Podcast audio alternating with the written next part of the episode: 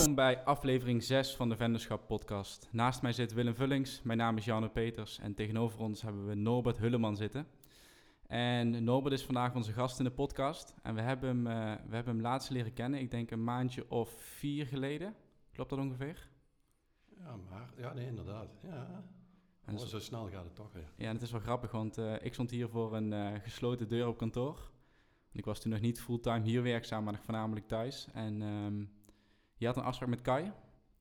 En uh, wij zagen elkaar aan de gang. We waren eigenlijk aan het wachten tot of Willem of Kai kwam met de sleutel. Dus we konden allebei niet binnen. En zo raakten we een beetje aan de praat van wat, wat doe jij dan? En uh, zit je ook hier op kantoor, et cetera, et cetera. En uh, toen kwam Willem, die heeft ons gered en de deuren geopend. En toen raakten we al wat dieper in gesprek, echt over het stukje ondernemen, een stukje commercieel, wat vragen op elkaar afgevuurd. En uh, ja, zo elkaar eigenlijk een beetje leren kennen. Dus na die, uh, na die afspraak van jou met Kai hebben we nog een paar keer samengezeten. En toen hebben we uh, het commitment ook naar elkaar uitgesproken om een hele ochtend in te plannen met z'n vieren. Dus Norbert, Willem, mijzelf en Kai. En toen hebben we op mooie locatie in de Schouwburg Venray hebben we een ochtend met z'n vieren gespart over van alles en nog wat. Met name over het stukje ondernemen, met name over um, aantal vragen die wij hadden en die we bij jou kwijt konden. En uh, zodoende ook vandaag de gast, dus uh, welkom. Ja, graag gedaan. Ik vind het mooi dat ik hier mag zijn. Nou, top. Ja. Kun je jezelf eens even voorstellen? Oh, heb je even? uh, ja, Norbert Hulleman, 53 lentes jong. Woon ehm, samen met Simone, werkzaam bij de Kerk Jeneplanschool. En ehm, wij wonen inderdaad in Venray. Maar het is niet zo dat ik eigenlijk altijd fanrijden gebonden ben. Ik heb er eigenlijk, ja, eigenlijk weinig band mee. Dat klinkt misschien heel raar om te zeggen. Ik zoek het eigenlijk ook veel breder. Uh, mijn hobby's, uh, Netflixen en toch in beweging blijven, want dat is wel belangrijk. En dat merk ik uh, ook zeker omdat je ouder wordt. En hoe moeizamer dat soms gaat. Maar bewegen is toch wel een van de dingen die wel belangrijk is voor mij ook als, als hobby te pakken. Dus dan is de vraag, is het nog hobby of moet het tussen haakjes? Maar ja, ik denk dat dat wel eens een beetje is. En hoe zorg je daarvoor dat je in beweging blijft? Uh, toen de, ja, het woord zullen we niet gebruiken in de tijd waar we zitten, want daar heb ik eigenlijk een hekel aan. Je moet vooral kijken weer naar kansen. Maar dat betekent dus inderdaad dat je gaat kijken dat je sommige dingen niet kan doen. Hè, waar ik normaal uh, drie keer in de week bij de sporttherapie zit, onder andere. En uh, toen dacht ik van ja, wat kan ik doen? Dus uh, s'morgens als ik nu opsta, 7 uur sta ik vast prik op. En uh, dat klinkt heel raar misschien, maar ik sta op en ik uh, ga gelijk een rondje wandelen. 20, 25 minuten. En dan kom ik binnen en dan moeten jullie niet gaan lachen, maar dan een beweging in, in Nederland. Nederland in beweging is een Nederlandse zender. En dan doe ik die oefeningen. We mogen niet lachen, Willem. Sorry. Hoe oud was jij? Ja, 53 op papier. ik had 56 moeten zijn, maar ik ben drie jaar ziek geweest. Dus, uh... Sorry. Nee, dus je hebt je vaste ochtendroutine waarmee je eigenlijk zorgt dat je uh, eerst een stukje loopt. Ik denk om je hoofd leeg te maken, om even rustig wakker te worden, een beetje te kalmeren. En daarna zorg je voor echt wat fysieke beweging. Ja, niet eens wakker worden. Want ik ben, ik ben wel, uh, dat hoorde ik ook in jullie vorige podcast, uh, wanneer ben je het actiefst? Mm -hmm. nou, ik stond helemaal versteld van Kai dat hij dat blijkbaar in zijn avond en de nacht wil doen. uh, nee, ik heb, ik heb uh, s'morgens, terwijl ik eigenlijk wel uit de horeca kwam, dan was het helemaal andersom. Maar ik merk nu wel echt dat ik s'avonds vroeger naar bed moet. Die rust heb ik nodig. En dan, ja, ik ben meestal s'morgens tot een uur of twee, zeg maar, dan ben ik het productiefst. Ja, en het woord is al gevallen horeca. Ik denk dat we daar een, uh, een stuk van deze podcast aan willen gaan wijden. We hebben je verhaal inmiddels uh, gehoord. Ik weet niet of we het helemaal gehoord hebben, maar dat maakt het niet uit. Maar um, nou, wat ons dus uh, ons wat triggerde ook in jouw, jouw eigenlijk hele carrière... is toch wel je tijd in, in Salau.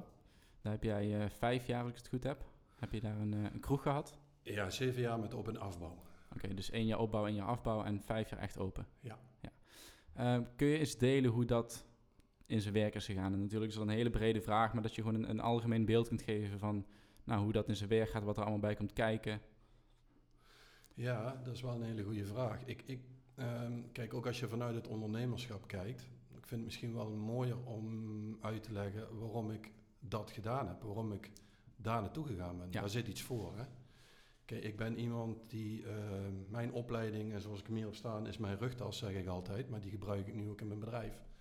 En ehm, ik, ben eigenlijk wel een, een wereldreiziger en ga graag reizen aan. Ook in het ondernemen, maar ook actief gezien in de wereld. En ehm, ik heb in die tijd, eh, eigenlijk heb ik heel veel dingen gedaan waarvan ik zonder papier binnengekomen ben. En mi- misschien is dat wel belangrijker om, vind ik misschien nog wel Ja, belangrijker laat, laten we daar beginnen. Laten we daar beginnen. Ehm, want mijn droom was op, om in de verpleging eh, te komen, uiteindelijk om op de ambulance te komen zitten.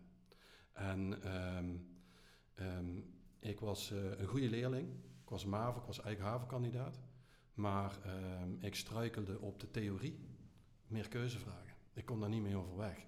Open werk was allemaal prima.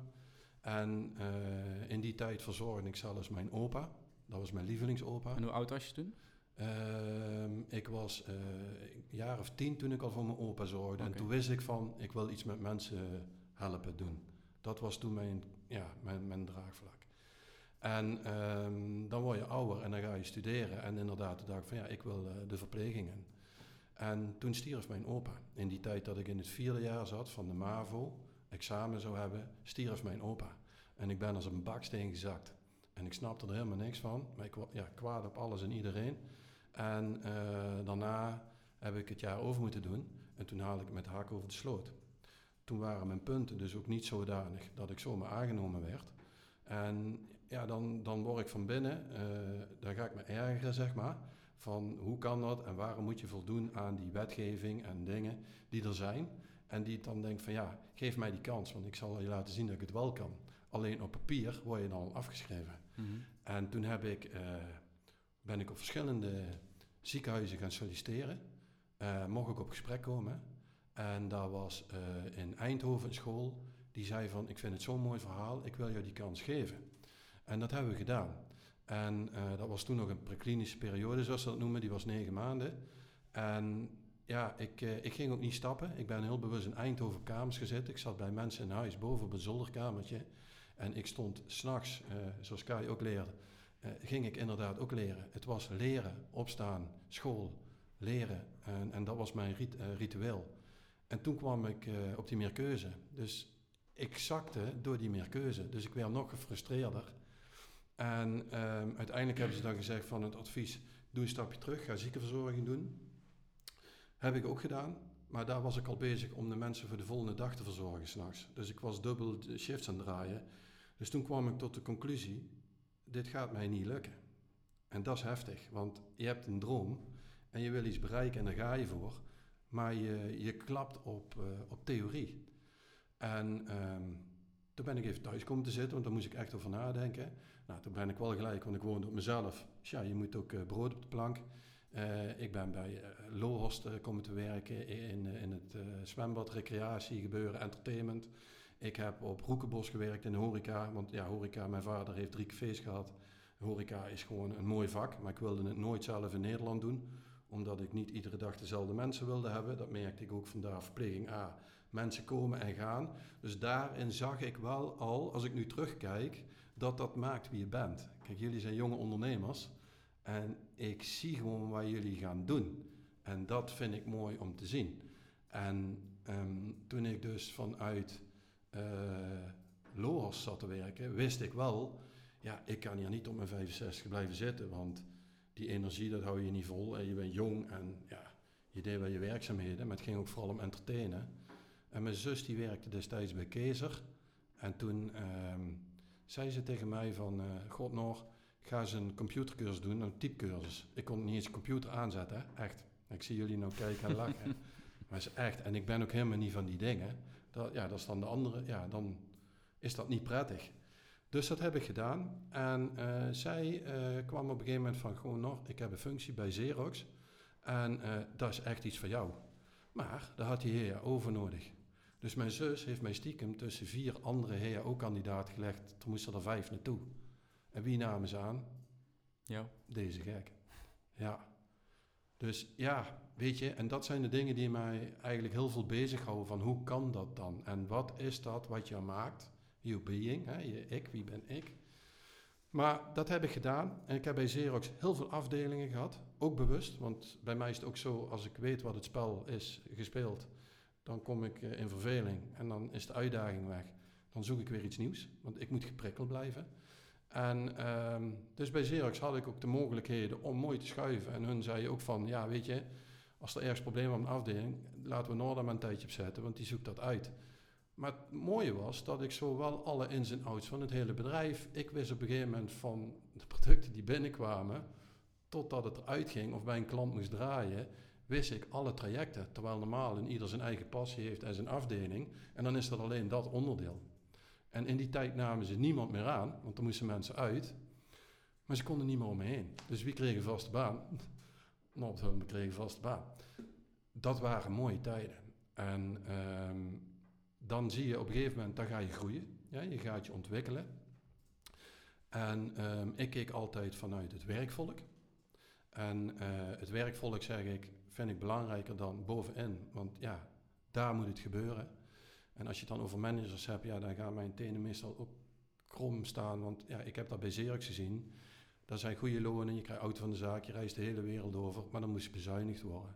Maar was je, wat voor functie had je daar dan? Want was het een soort van supervisor dan over een afdeling waarin je steeds de switchte van afdeling? Of, of hoe moet ik dat zien? Nee, ik had echt, uh, ik ben begonnen als uh, operator in uh, drie shifts.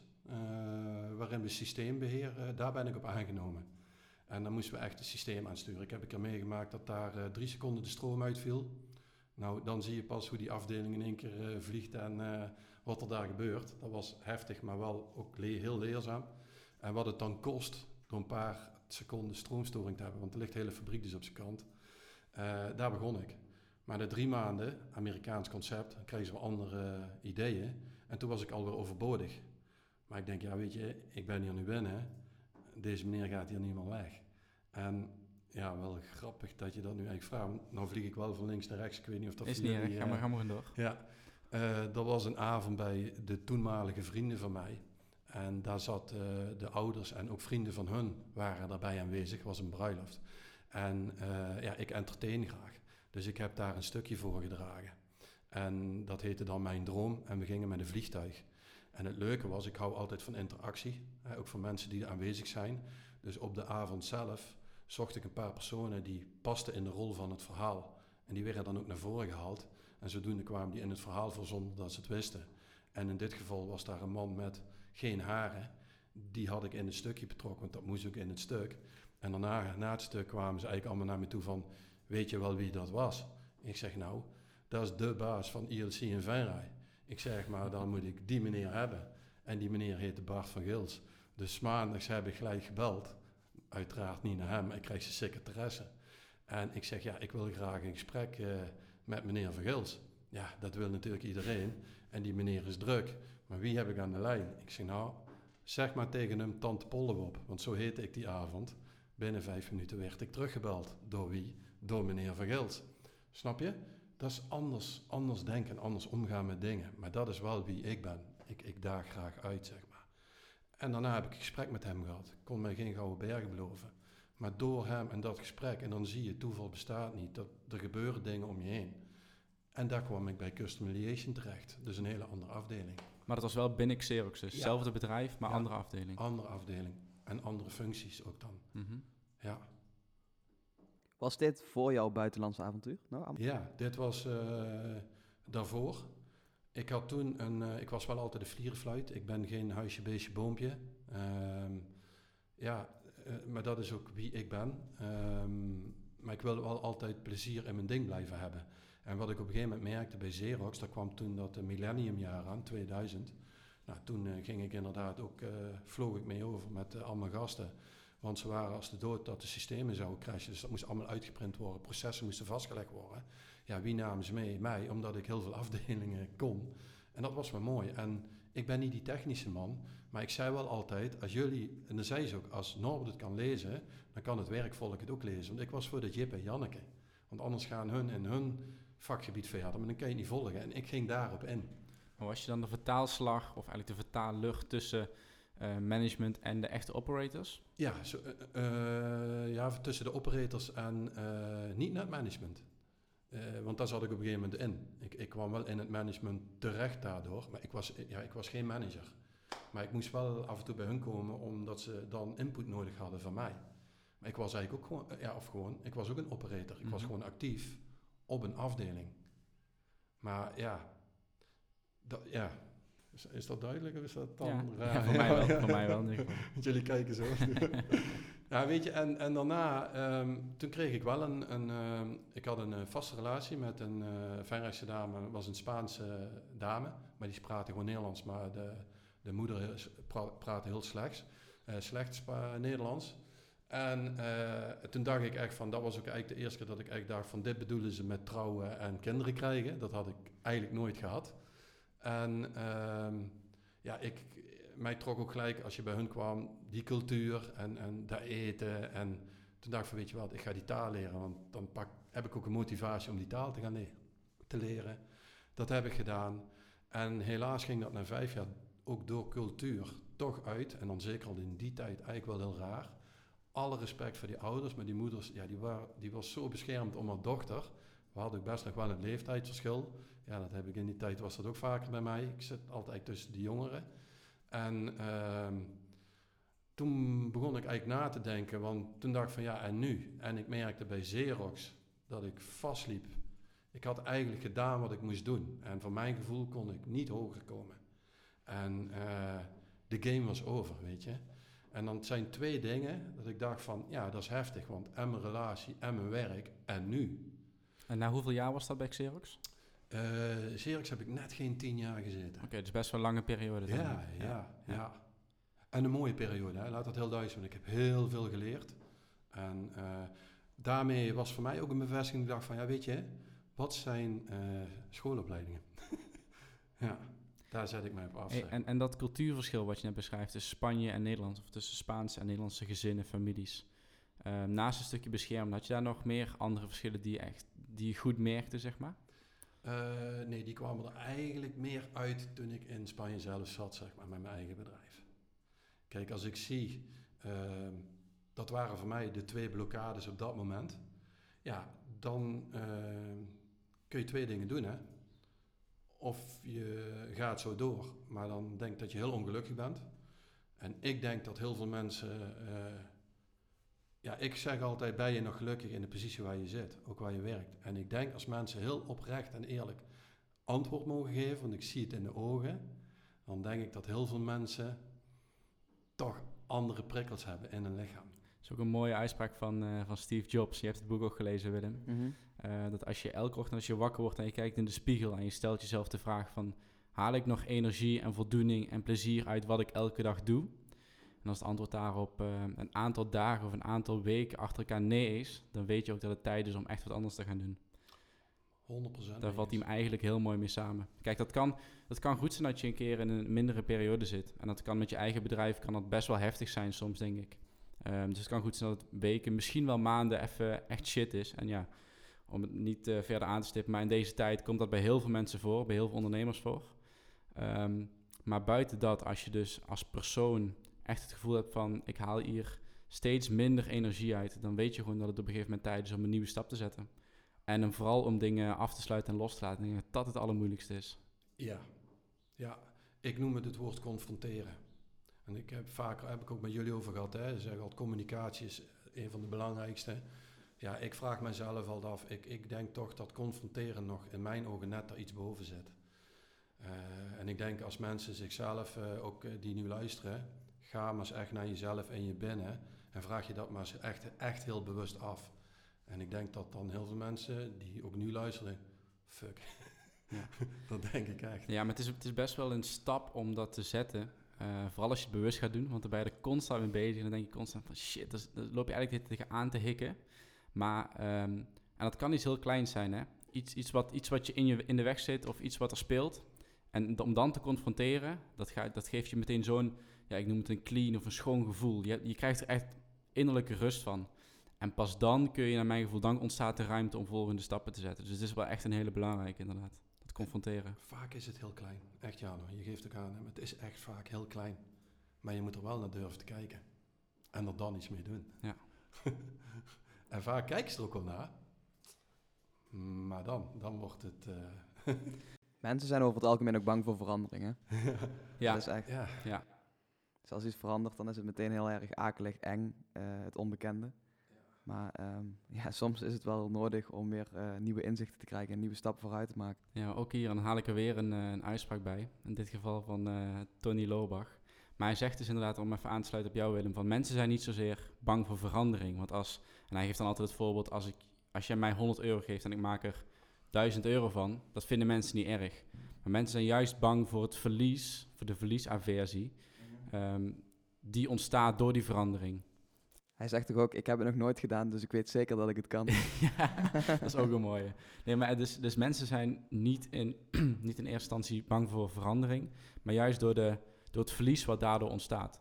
Dus als jij volledig van koers switcht in je leven, in jouw geval misschien dat je Nederland uh, tijdelijk achter je laat en je gaat naar Spanje, daar komen we zo meteen wel op. Maar het, het stukje angst zit in het achterlaten van wat je gewend bent. Ja, ik denk het wel. En toch had ik dat niet. Want ik was heel blij. Mm ja, Is die, um, die Spaanse relatie, is dat ook de reden geweest dat je voor Salau hebt gekozen? Of heeft dat een andere reden? Nou, het is, het is zo om het even af te maken. Want dat vind ik dan nou wel mooi dat ik dat ook een keer zo mag en kan vertellen. Um, die twee, Xerox, mijn werk en, en die relatie, wist ik gewoon, dit, ja, dit, dit gaat niet. Dus je moet confronteren en je moet afscheid nemen. Toen had ik de Spaanse relatie, hebben ook samen beëindigd. Nou, dat was geen fijn moment voor allebei niet, want we hielden allebei van elkaar. Dat is dan ook nog het hele bizarre van het verhaal. En uh, dat is echt verlies. Dat is echt verlies. En ik zei toen, ik moet weg. Mijn eerste eh, vlucht, vluchtgedrag, ik moet weg. Ja, maar uh, mijn moeder, wat ga je dan doen? En die waren al vaker van, uh, die wisten gewoon dat ik, ja, soms wel eens van die rare dingen deed, zeg maar. Maar ik, uh, ja, maar wat ga je doen? Ik ga naar reisbureau. Ik ken daar een dame. En dat was toen uh, Holland International in de Grote Straat. Petra Avramides was toen oud of, uh, klasgenoot van mij. Die werkte daar. Ik zei, ik ga naar haar toe. En ik ga een verre reis boeken. En nu, ja, ik geloof best als jullie me aankijken. De jeugd van nu, de generatie is anders. Maar in die tijd, praat je over 97, want ik vergeet dat ook nooit meer. mei 97 heb ik de reis gemaakt ik, uh, en ik dacht ook van, ik zei tegen haar, ik wil ver weg. Ik wil niet naar, uh, rondom ons heen, ik wil ver. Want verre reizen was in die tijd, dat was wat. Dat was Ja. best heftig. Ja, terwijl, het dat- nu, terwijl het nu normaal is. Ja. Nu gaat elke student voor zijn minor of voor zijn major gaat naar ehm, Shanghai of naar Ja. Amerika of, of wat Ja. dan ook. Nu is het zelfs gek als je niet gaat. Ja, nu wil, ja. Ja. daar hadden we het laatst over. Het Ja. was nu bijna gek. Je wordt bijna gek aangekeken als je ehm, een HBO-opleiding doet bijvoorbeeld, of, een- of, een, eh, of een master, dat maakt niet uit. En je krijgt de kans om te gaan en je zegt dan van ik ga niet. Dan denken mensen van, huh? waarom, waarom zou je niet gaan? Terwijl het in jouw tijd, inderdaad 1997, was ik nog niet geboren. Toen eh, was het natuurlijk heel anders, ja. Vraag maar je ouders. ja. Nou ja, en ik heb, eh, ik heb daar met haar boekjes meegenomen en ik ging thuis bladeren. En in één keer mooie vrouwen, veren, Brazilië. Ik denk, ja, Brazilië, dat, dat wordt hem. Dus mijn moeder al helemaal in paniek, hè, beschermend. Hè, dat zullen heel veel mensen ook wel eh, kennen. Jullie zijn jong, dus je kent het. Mhm. Ja, maar en is als en dit en dat. Nou, ook dat eigenlijk ook weer vanuit het ondernemerschap. Hè. Nu kan ik dat zeggen. Toen wist ik dat niet, dat was een game. En ehm, mam, alsjeblieft niet zo praten. Geef me die ruimte. Ik heb dit nodig. Ik moet gaan kijken waar ik sta en waar ik weer naartoe wil. Ja. Hè? En eh, ja, oké, maar ehm, neem pap dan mee. ik zeg, ja, hoe kom je daar nou bij? Ja, ik heb toch liever dat er iemand bij is. En ik zeg, ja, ik zeg, maar en jij dan? Want eh, ik zeg, ik neem pap wel mee. Want ik had een hele goede band met pap. Ja, maar ik kan toch niet met mijn spieren en mijn rug. Ik zeg, oké. dat was eigenlijk heel duidelijk. Dus ik mijn vader gebeld op zijn werk. En eh, ik zeg tegen hem, eh, pap, je weet het nog niet, maar we gaan samen op vakantie. Nou, ik dacht eerst de telefoonlijn is weggevallen. Ik wilde helemaal niks. Ja, eh, en hoe dan? En mam? En ja, waar gaan we heen? Ik zei, ja, dat ga ik nog eerst uitzoeken, want toen had ik het nog niet uitgezocht. Ja, eh, eh, ik ga wel mee. dus ik daarna ge- uitgezocht en ik zei, pap, we gaan naar Brazilië. En mijn vader hem, oké. ik zou je vertellen, jongens. Waar ligt dat, Brazilië? Ik zou je vertellen, dat is zo belangrijk geweest voor mij in mijn eigen, ehm, ook weer vanuit dat ondernemerschap gekeken, hè, eh, waarin je praat, hè, een vertrouwenspersoon. Hè, eh, ja, wij hebben dan ook samen dingen gedaan. Ik zeg altijd, coach vind ik geen fijn woord. Ik zie hem ook als sparringpartner.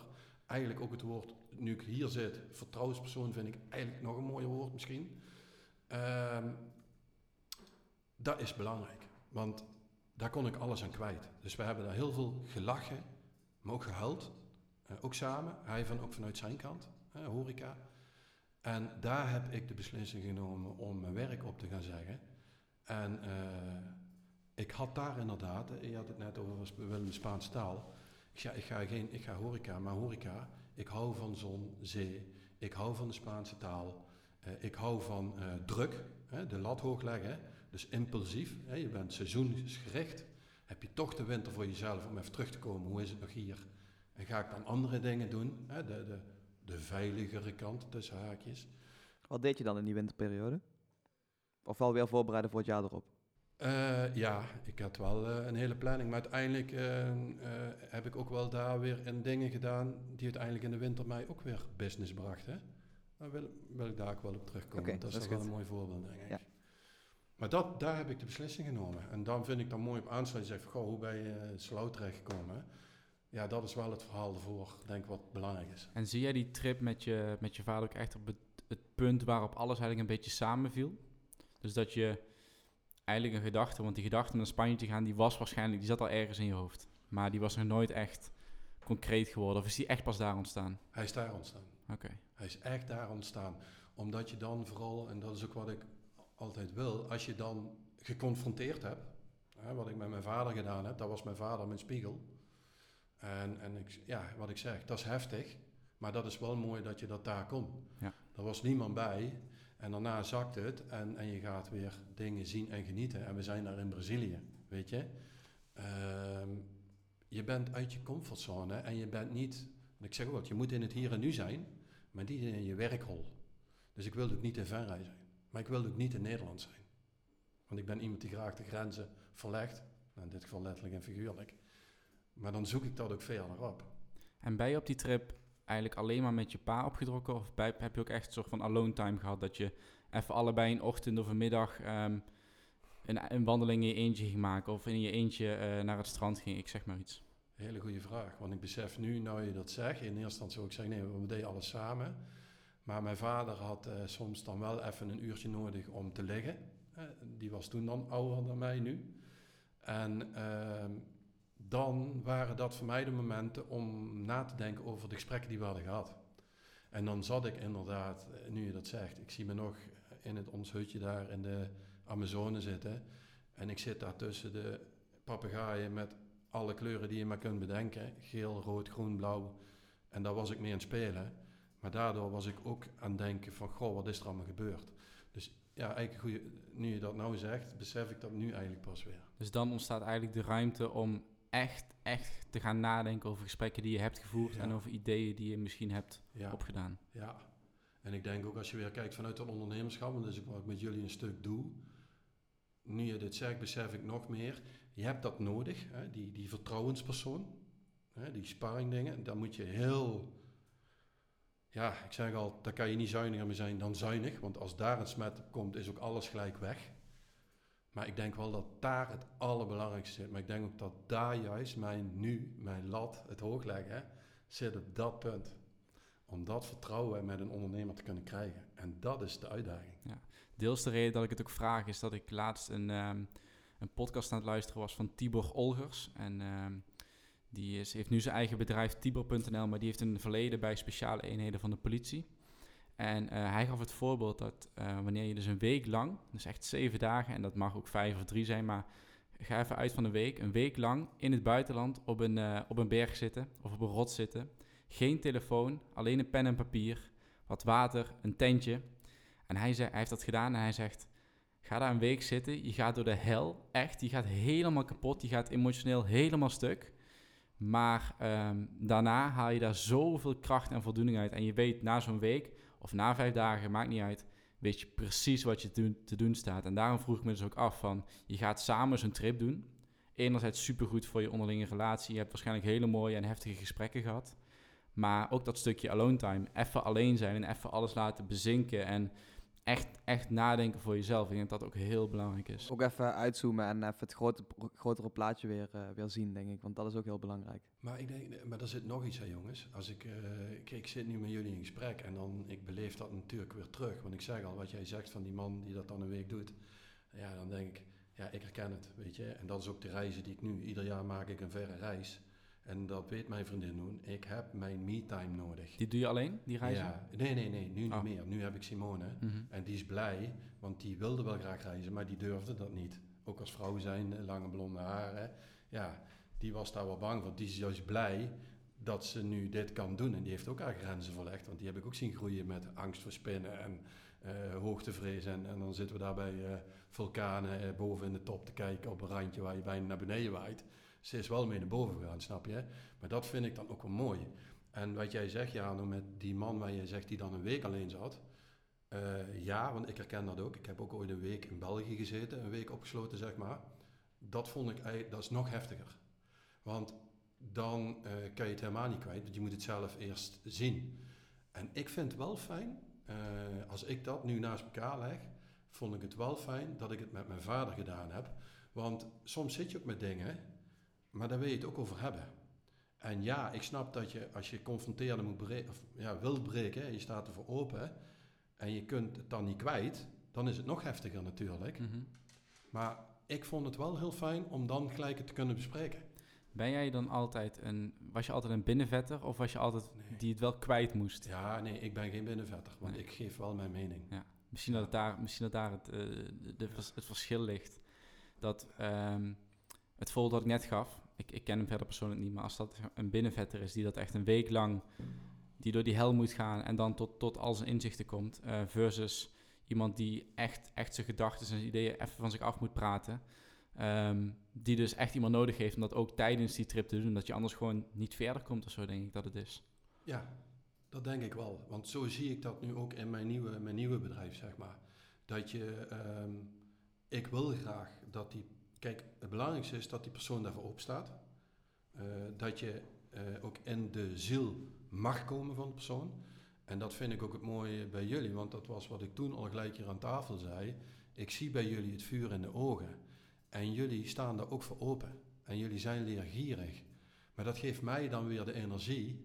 Uh, niet enerzijds als ondernemer, maar ik denk nog zelfs eerder. Gewoon voor mijzelf als persoon. Dat jullie daarvoor opstaan dat doet mij goed, geeft mij een goed gevoel.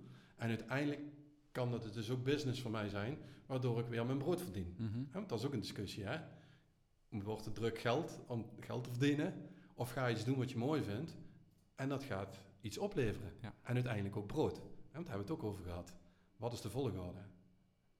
Eerst waarde leveren en dan uh, komt het geld vanzelf. Ja. ja. dat vond ik dus ook mooi, uh, want daar was ik gisteren over nadenken toen ik uh, wist dat we, morgen, of, ja, dat we vandaag dit gesprek zouden hebben. En toen dacht ik ook even terug van hoe we elkaar dus hebben ontmoet. En um, het was in eerste instantie, ik denk dat twee, drie keer dat jij hier bent geweest. En um, dat wij eigenlijk nog helemaal niet wisten wat jij nou echt deed uh, met je eigen bedrijf. We wisten wel dat je ondernemer was, maar we wisten niet precies wat je deed. Um, maar jouw intentie was waarde geven, waarde geven, waarde geven, waarde geven. En dat was in vorm van voornamelijk vraag en antwoord. Dus wij hadden, uh, wij hadden wat vragen voor dingen waar we tegenaan liepen in het ondernemen. En dan met name een beetje de commerciële kant, dus bijvoorbeeld klantrelaties of um, uh, prijzen, dat soort dingen. Nou, die vragen die, uh, die legden we op jouw bordje en dan kregen we antwoord op. En het mooie was dan dat na een tijdje in zo'n gesprek, dan gaf jij al eerst subtiel en daarna gewoon duidelijk aan van oké, hier kan ik je bij helpen, maar dan gaan we een afspraak in plannen. Dus waarde, waarde, waarde, waarde leveren. En uiteindelijk wel zeggen, um, we kunnen hier verder op ingaan, maar dat is wat ik doe. Dat is mijn bedrijf, daarmee moet ik mijn geld verdienen. Uh, dus ik vond dat wel een mooi en ik denk dat je daardoor een beetje het vertrouwen destijds hebt gewonnen. Want wij, uh, wij waren in het begin heel sceptisch, want we kenden je niet, we hadden je nog nooit gezien, we wisten niet wat je deed. Uh, maar zo zie je dat zo'n vertrouwensband, die ontstaat naar mijn mening door in eerste instantie gewoon heel veel te geven. En zonder de intentie om daar direct iets voor terug te krijgen. Ja. Kijk, en nu zeggen heel veel mensen, want ik zeg al, als Um, als ik naar mezelf kijk, en, en ik heb behoorlijk wat functies gehad en ook in andere bedrijven, maar ook dat was heel bewust, omdat ik vooral wilde leren en puzzelen om uiteindelijk zelf een legpuzzel te leggen, snap je? En die stukjes moesten in elkaar gaan vallen en passen Of dat nou een communicatiestuk is of eh, ooit met een krant als accountmanager, waarin je de advertisingwereld zag. En zo kreeg ik overal input en wist ik gewoon van, oh, dit stukje kan ik straks van mezelf weer gebruiken. Dus ik was ook echt wel weer bezig om daarna mijn eigen bedrijf te doen, zeker na het Spaanse avontuur. dus ja, mooi ook hoe je dat zegt. Dat, dat is ook zo. Dat, en, en nu zeggen steeds meer mensen, ja, ik ben een verbinder. En ik, maar ja, als je het zegt, het is geven en nemen. Maar alleen al die twee woorden, kijk eens echt diep in jezelf naar binnen. Wat geef je nou echt? En wat neem je echt? Ja. Ook dat is een punt om over na te denken. Ja. Weet je? Dat, ja. Hey, en uh, terug naar jouw verhaal, want ik denk dat we aan zijn gekomen op het punt dat, uh, dat je de stap ging wagen, toch? Ja. Nou, en dat is, dat is ook het mooie wat, wat jullie zeggen, als je dan daarmee bezig bent. Alleen, uh, het grappige is dat jullie die ervaring niet hebben, want jullie zijn gewoon een eigen bedrijf begonnen. Maar hoeveel mensen zijn er niet die in dienst zijn van, en die zitten gewoon in, ja, in dubio. Ja, weet je, wat ik hier binnen zie gebeuren, kan ik beter want daar zit, daar zit dan ook jouw passie. Dus dat klopt, dat stuk. Alleen daar zit meer. Het is niet alleen dat stuk. Daar hangt dan een bedrijf aan vast. En dat is waar de angst komt. Vaak hebben mensen dan gezinnen, kinderen. Kiezen ze voor zekerheid. Nou, ik heb altijd gezegd, als je voor één ding niet hoeft te kiezen, moet je bij mij zekerheid moet je niet verkiezen. Dat doe ik ook niet. het gaat er mij om, je moet goed in je vel blijven zitten in datgene wat je doet. Ik had gisteren een mooie gehoord. Dat was uh, het grootste risico wat je kunt nemen in je leven, is om geen risico te nemen. Ja, mooi hè? Maar hoe vaak is het niet zo, gaan we met de mensen in gesprek die nu dan ondernemer zijn. Die hebben ooit dat moment gehad. En als ik dat dan ook met hun over heb, dat moment kun je terughalen. Als de dag van gisteren, of je nou buiten in de tuin zat, of de zon scheen, of het regende, dat gevoel haal je helemaal terug. En dat vind ik ook mooi, want ook nu weer de luisteraars, ga maar eens naar het moment terug dat je besloot om ondernemer te zijn. En dan zie ik ook anderen nu al denken, die nog steeds in dubio zitten, die worstelen daar nu nog mee. Ook nu, nu we dit bespreken. Die klikken nu gelijk, ja shit, wat is dat dan nog? Ik kan het niet loslaten. Terwijl die ondernemer dus nu dat stuk gehad heeft en nu terug kan kijken. Maar ik weet 100% zeker als ik dan vraag, je hebt daar een beslissing genomen, hè? dat is dat klikmoment. Wat gebeurde er daarna? En de eerste reactie, er viel een last van mijn schouders af. Ja, dat klopt. Ik denk dat het probleem is ook dat heel veel mensen ehm, zich focussen op plan B in plaats van dat ze de volle focus hebben op plan A. Dus die zijn heel lang bezig, misschien wel tien jaar, met twee dingen eh, naast elkaar. Focussen op plan B, plan B, zekerheid. Maar daardoor verliezen ze plan A, wat echt een kindje is, uit het oog. En dan zal het eigenlijk nooit wat worden. Want je moet natuurlijk wel gewoon een keuze maken. Ja. Kijk, dat is voor jullie misschien uh, lastig om te begrijpen, want jullie zijn gewoon gelijk als ondernemer. Ja, daarom zei ik al, jullie jullie zei, ik zie nog ja, nog, ja, maar ja, wie, dan krijg ik te horen, uh, ja, die is nog jong en die moet zich maar eerst bewijzen. Maar die had wel al toen hij negen jaar was zijn eigen website. Dus toen ik dat met jou besprak, ik denk, als een ondernemer hoort dat je negen jaar was en je had je eigen website, dan hoef je niks meer te zeggen, ja. Nee. Heb jij überhaupt een bijbaantje gehad in loondienst? Nee, ik heb nog nooit een salarisstrook gezien. Ja, van mijn stage, van mijn stage. Toen was het verplicht, maar... Ja, dat is top. Maar niet echt als, uh, als bijbaan, nee nee. Maar snap je dan ook dat als, als je dan op mijn stoel zou gaan zitten, want dat is, ik ga altijd op de stoel van de ander zitten. Ik, ik ben die chameleon, zeg maar. Dat is waar ik het met Willem ook veel over heb, wat jij ook doet. Dat is belangrijk. Uh, wel oprecht, hè, laat dat ook heel duidelijk zijn. Maar dat je, uh, uh, als ik nu terug, als ik dan op jouw stoel ga zitten, dan zie ik jouw vuur in de ogen. Hè, maar dat jij dan op negen jaar dat had, dat, dan dacht ik, jij loopt jij loopt dus al voor op mij in mijn situatie toen. Dus je bent al veel verder, ook in je ontwikkeling. En dat zul je ooit pas terug kunnen zien als je weer zoveel jaar verder bent. Ja, terugkijkend zie je dat ook wel ergens, of ja, bij mezelf dan. Alleen, ehm, en dan komt er weer een beetje het ambitieuze en, het, uh, en die drive naar boven, denk ik. Kijk, dat is leuk. En dat is leuk als je terugkijkt en denkt van, oh, toen was ik al best wel met met dingen bezig wat ik nu nog steeds doe. Dus ik, op een negen was ik met sites websites bezig, dat doe ik nu nog steeds. Van de andere kant heb ik zoiets van ja, het had ook om mijn achter gekund. Weet je wel? Het, het, het, uh, het verhogen van die lat en het, en het streven en het ambitieus, dat zorgt er enerzijds voor dat je um, daar moeilijk happy mee kunt zijn of zo. Terwijl van de andere kant ik wel, en dan heb ik het echt over het laatste half jaar, jaar, eigenlijk een beetje sinds ik terug ben uit Amerika, dat ik het wel, dat ik af en toe bij stilsta. En ik denk dat dat wel heel belangrijk is. Dus je af, af en toe even een momentje neemt van, hé, hey, shit, even realiseren van, ehm, eh, wat is er de afgelopen jaren allemaal gebeurd? Even bij stilstaan, ehm, stilstaan bij de, bij de leuke momenten en de mindere momenten en, eh, en dan gewoon weer verder gaan. En dat heb ik nu wel geleerd inderdaad de afgelopen tijd. Ik denk dat daar, de dankbaarheid, daar zit ook het geluk voor de rest van je leven.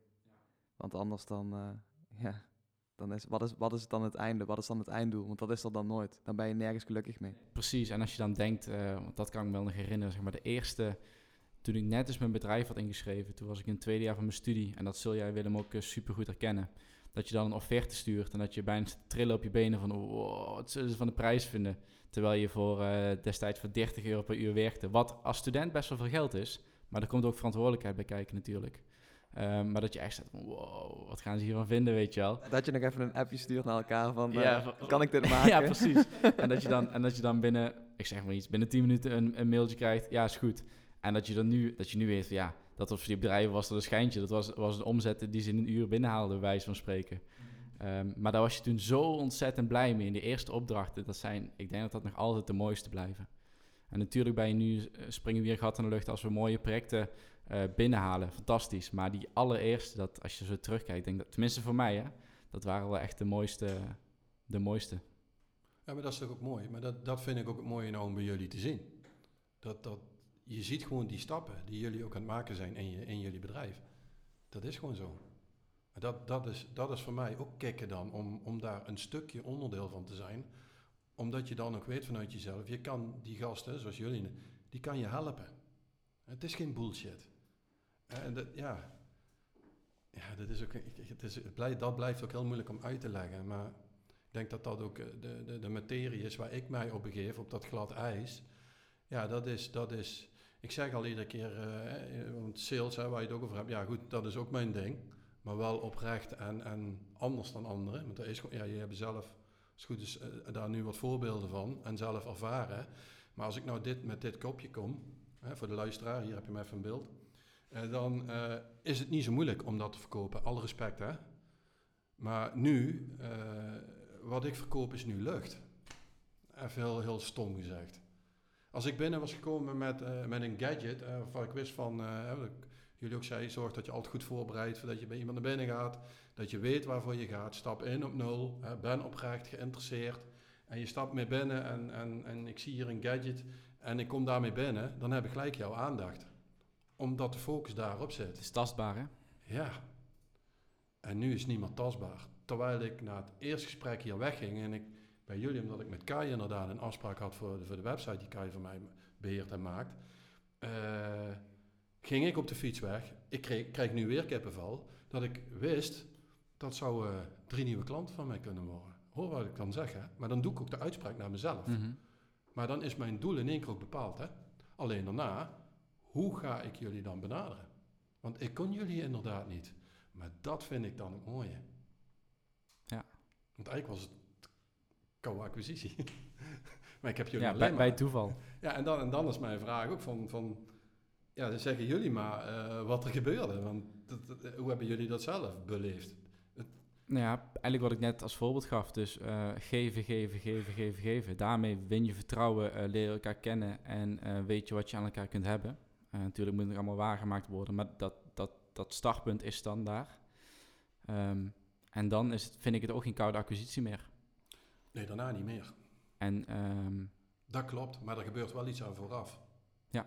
Want stel je voor dat als we naar de situatie teruggaan, jij zat daar buiten in de gang te wachten, want de deur was op slot. Ik had ook door kunnen lopen, mm -hmm. of wat de meeste mensen doen, die zitten weer op hun telefoon.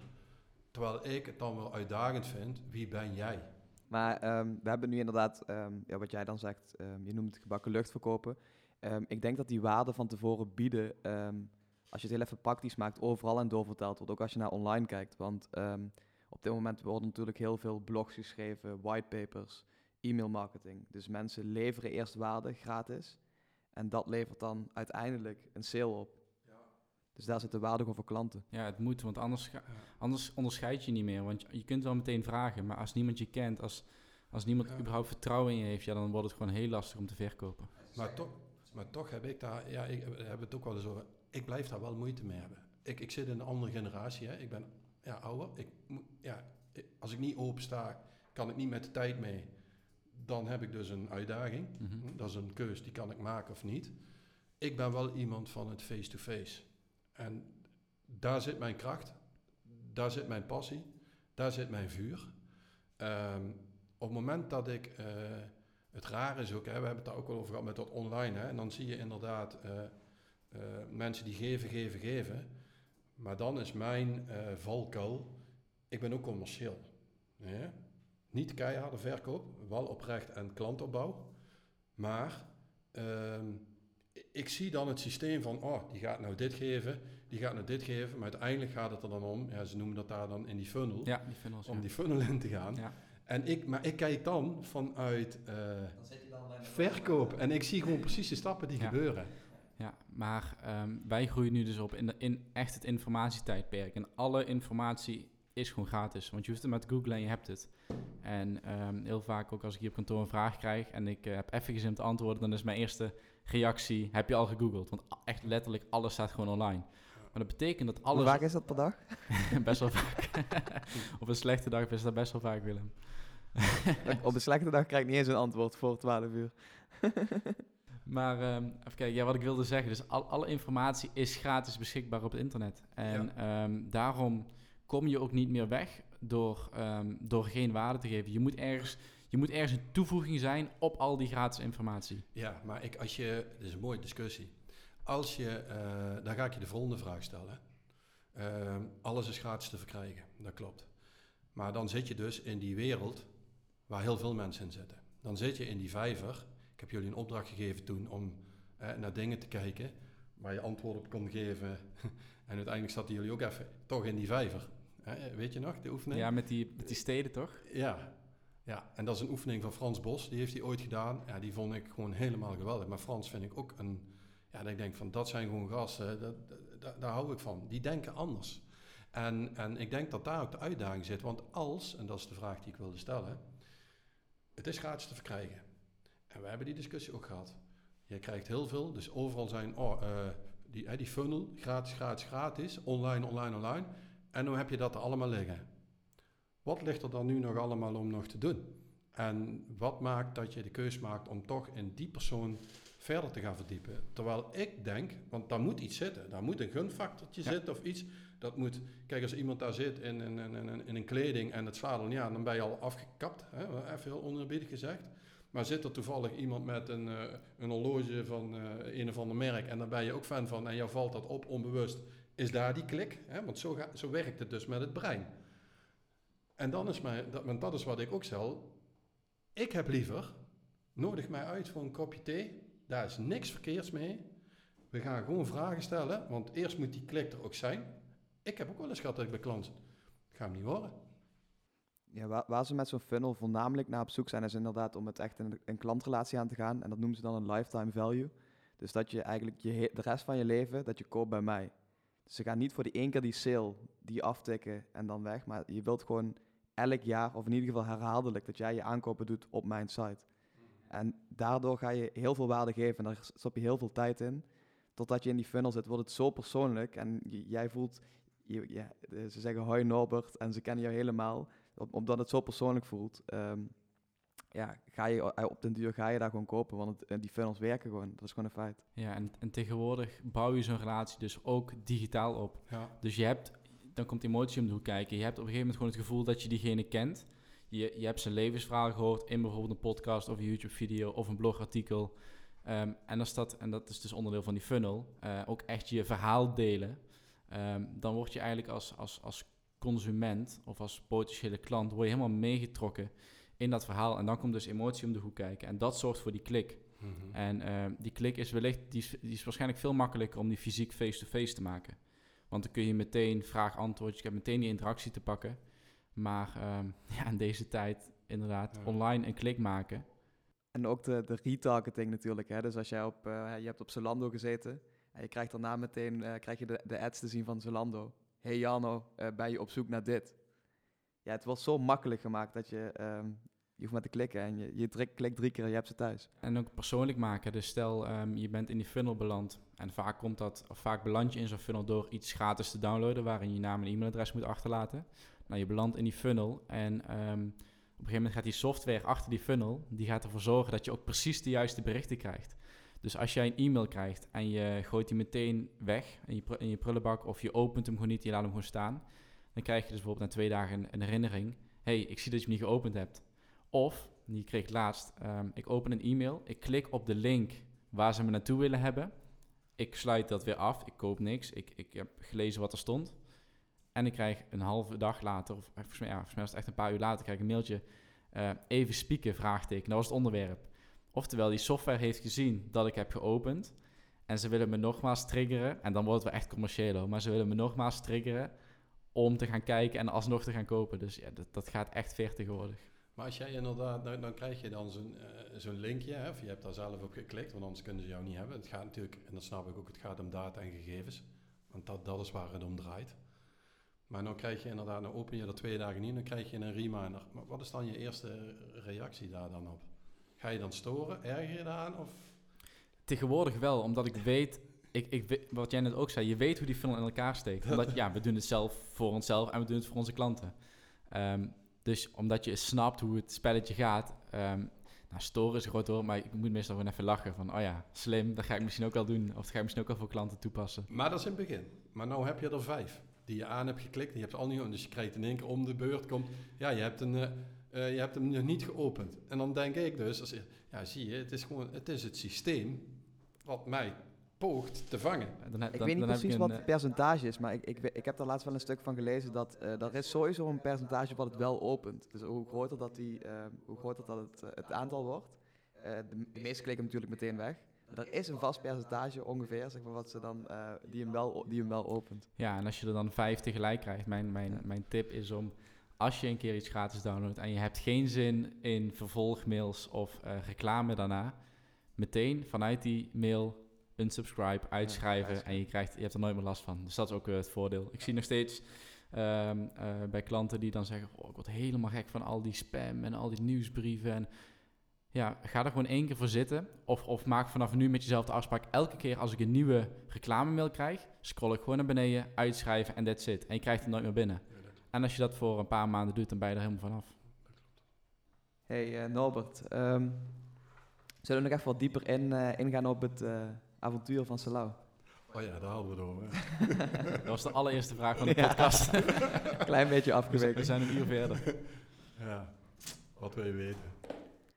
Ehm, nou, we hebben het er al heel even kort over gehad waarom dat je voor Salau had gekozen. Dat had natuurlijk met je Spaanse relatie eh, eh, te maken.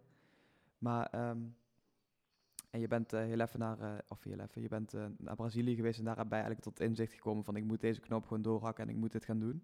Maar hoe is dat allemaal begonnen? Wat, hoe, vliegtuig gepakt, ticket geboekt, van tevoren natuurlijk voorbereid. Voor Salo zelf bedoel je Ja. dan, hè? Ja. Nee, ik heb, ik heb me wel voorbereid. Want je moet natuurlijk wel... Je, ja, ja, ze hebben het dan over doelen en visie. Ehm, het werkt bij mij niet zo als ze vragen... Wat je ook vaak ziet van... Waar denk je over vijf jaar te staan? Ja, dat vind ik ook geen vraag van mij. Maar dat ligt dan ook meer aan mij als personality. Ehm, nee, ik heb mij voorbereid en daar heb ik twee jaar over gedaan. Ik ben eh, gaan kijken van... Oké, ik wil horeca gaan doen. Eh, want dat vond ik zelf wel altijd gewoon mooi. En ik wist ook entertainen. Vooral entertainen, omdat ik gewoon eh, zelf merk en ook zie dat altijd in jou als persoon ook een stuk kind zit. En dus daar ging ik over nadenken. En eh, de locatie natuurlijk, hè, van waar ga je dat doen? En ook toen, en dat, ja goed, dat is gewoon zoals het was, van ga ik dat alleen doen of ga ik er iemand bij zoeken? Want ja, je gaat natuurlijk wel een, een, een funnel in. Eh, je, gaat een, je springt ergens in, maar eh, ik wil me ook goed, goed voorbereiden. Het is niet zoals ik vertrek begon. Ehm, dus ik heb daarover nagedacht. En dat was een toenmalige vriend van mij die eh, een kroeg had, een goedlopende kroeg, en gewoon aan zijn tak zat. En daar wist ik van dat hij uit moest breiden. Dus ik heb hem toen voorgelegd van, hey, kunnen we niet eens een keer praten, want ik, ik wil een stap zetten. En kunnen we dat samen doen?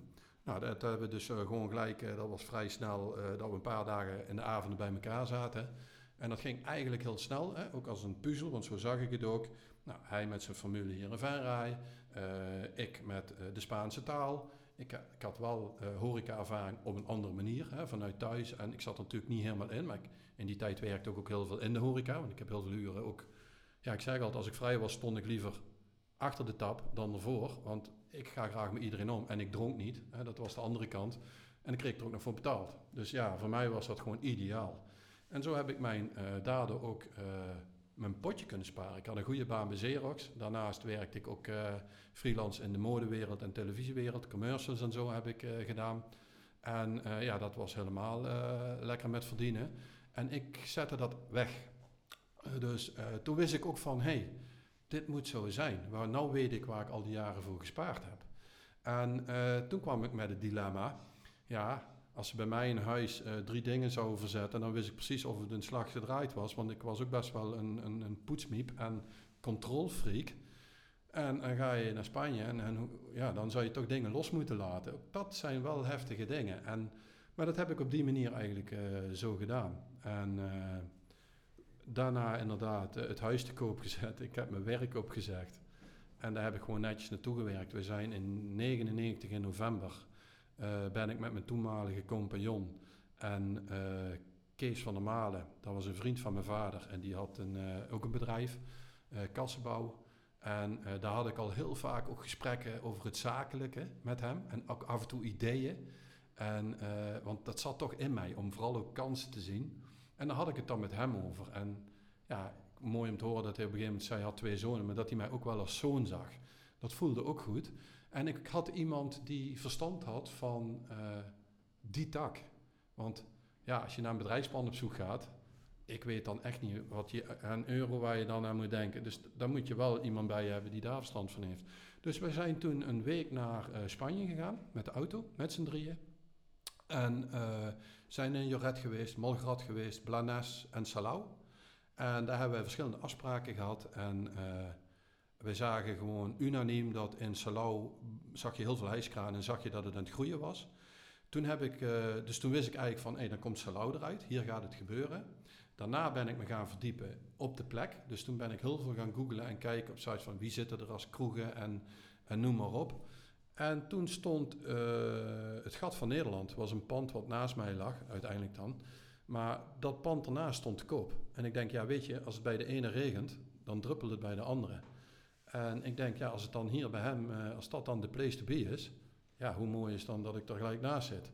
Voller dan vol kan hij niet zitten. Was van de andere kant natuurlijk ook heel frustrerend als je daar heel veel mensen naar binnen ziet gaan. En je staat daar. En er gebeurt nog weinig tot niks. Ja. Snap je? Maar dan heb je het weer. Dan moet je daarna gaan kijken. En dat is uh, het eerste jaar. Ik zeg al, het eerste jaar was heel heftig. Het is ook fout gegaan met compagnonschap. Uh, ik ben heel blij geweest dat de papieren goed uh, opgesteld waren. Want voor mij hoefde dat toen ook niet, hè, dat was VSKV de Koets, hoefde ook niet de naam Koets te hebben. Ik had zelf een eigen idee, dus eigenlijk werd ik daar een stukje afgeremd. Van de andere kant gunde ik het hem. En we hadden wel duidelijk afspraak gemaakt van vijf jaar gaan we het doen. Zomer Salau en dan zoeken we in de winter een skioord. Dit is ook mooi wat uh, Maarten vorige week vertelde. We hebben toen met Maarten in het begin best wel, best wel lang gehad over um, hoe je dingen vastlegt als ondernemer zijn. En dan helemaal als je het met iemand doet. Dus als je bij de mede-eigenaar bent. En Maarten ziet dat ook vanuit zijn werk, vanuit zijn werk, vanuit zijn rol. Er zijn nog zoveel bedrijven waar het gewoon niet geregeld is. Dus, uh, niet geregeld is. Het is allemaal op basis van handdruk gegaan. Afspraken die, uh, die mondeling akkoord zijn, maar die nooit zijn vastgelegd. En hij komt zoveel problemen tegen. En hij is nu dus ook bezig met zijn klanten om dat gewoon allemaal vast te leggen. En het is saai werk. Het is is kut en het kost geld, maar het, ja, het, moet, het is wel super belangrijk. Dat heb jij ervaren, denk ik. Nou, ik zou je ook vertellen, als iemand zegt tegen mij van, uh, daar komen we wel uit, dan moet je alert zijn. Ja. En, en het gaat er niet om dat ook de goede daar wel tussen zitten, maar daar gaat het niet om. Als je open en eerlijk naar elkaar bent en je zet dat van begin af aan goed op papier, krijg je ook geen misverstand. En daar zal die persoon voor openstaan. Als ze daar niet voor openstaan, rode vlag. Dan moet je alert zijn. Ja, ik vind dat wel een mooie inderdaad, want um, als je natuurlijk een idee hebt of je begint ergens aan, vorige, vorige week hadden we het dan even over het kopen van een huis met een partner, dan is alles natuurlijk Hosanna en dan is het allemaal mooi. Maar zodra dat er problemen komen, dan beginnen ook die scheurtjes in die relatie, zakelijk of privé, te raken. En, uh, en dan komen er gewoon problemen. En dan moet je het gewoon allebei gewoon super goed afgekaderd en, uh, en geregeld hebben. Zeker, dat geldt op alle vlakken. Hè, wat je zegt, ook samenwonen. Dat heb ik met mijn partner destijds ook gedaan. Omdat je dus uh, in je vertrouwen ook geschaad wordt. Hè, want dat heb ik dan... Ben ook heel veel vertrouwen toen kwijtgeraakt in, in dingen omheen wat daar gebeurde. En het geloof in mensen. Dus kun je nagaan wat voor impact dat in jouw eigen ik heeft. Uh, terwijl je zelf heel open was en, en open en ja, eerlijk en je wil ergens voor gaan. Maar je ziet ook, zo gauw als het ook over geld gaat, ja, dan leer je ook de mensen kennen. En, uh, en dat is net, uh, we hebben het ook wel eens over gehad, waar ga je voor? Wil je inderdaad een slechter iemand zijn die goed verdient? En dat is dan ook een mooie discussie. Maar uiteindelijk is er maar één iemand die dat bepaalt. En dat ben jij zelf. Verantwoordelijkheid nemen voor je eigen, voor je eigen keuzes. Ja, en ook als ik dat zie bij mijn vriendin, wij hebben toen op papier een samenlevingscontract gemaakt, ook een testament. Wij zijn niet getrouwd, we zijn samenwonend, maar ja, we kregen daarna ook advies van ja, maar als jullie samen op vakantie gaan en dan wordt er gekeken, de ene overlijdt eerder dan de ander, dan denk je, ja, maar waar hebben ze het allemaal over? Ja, dat moet wel geregeld zijn.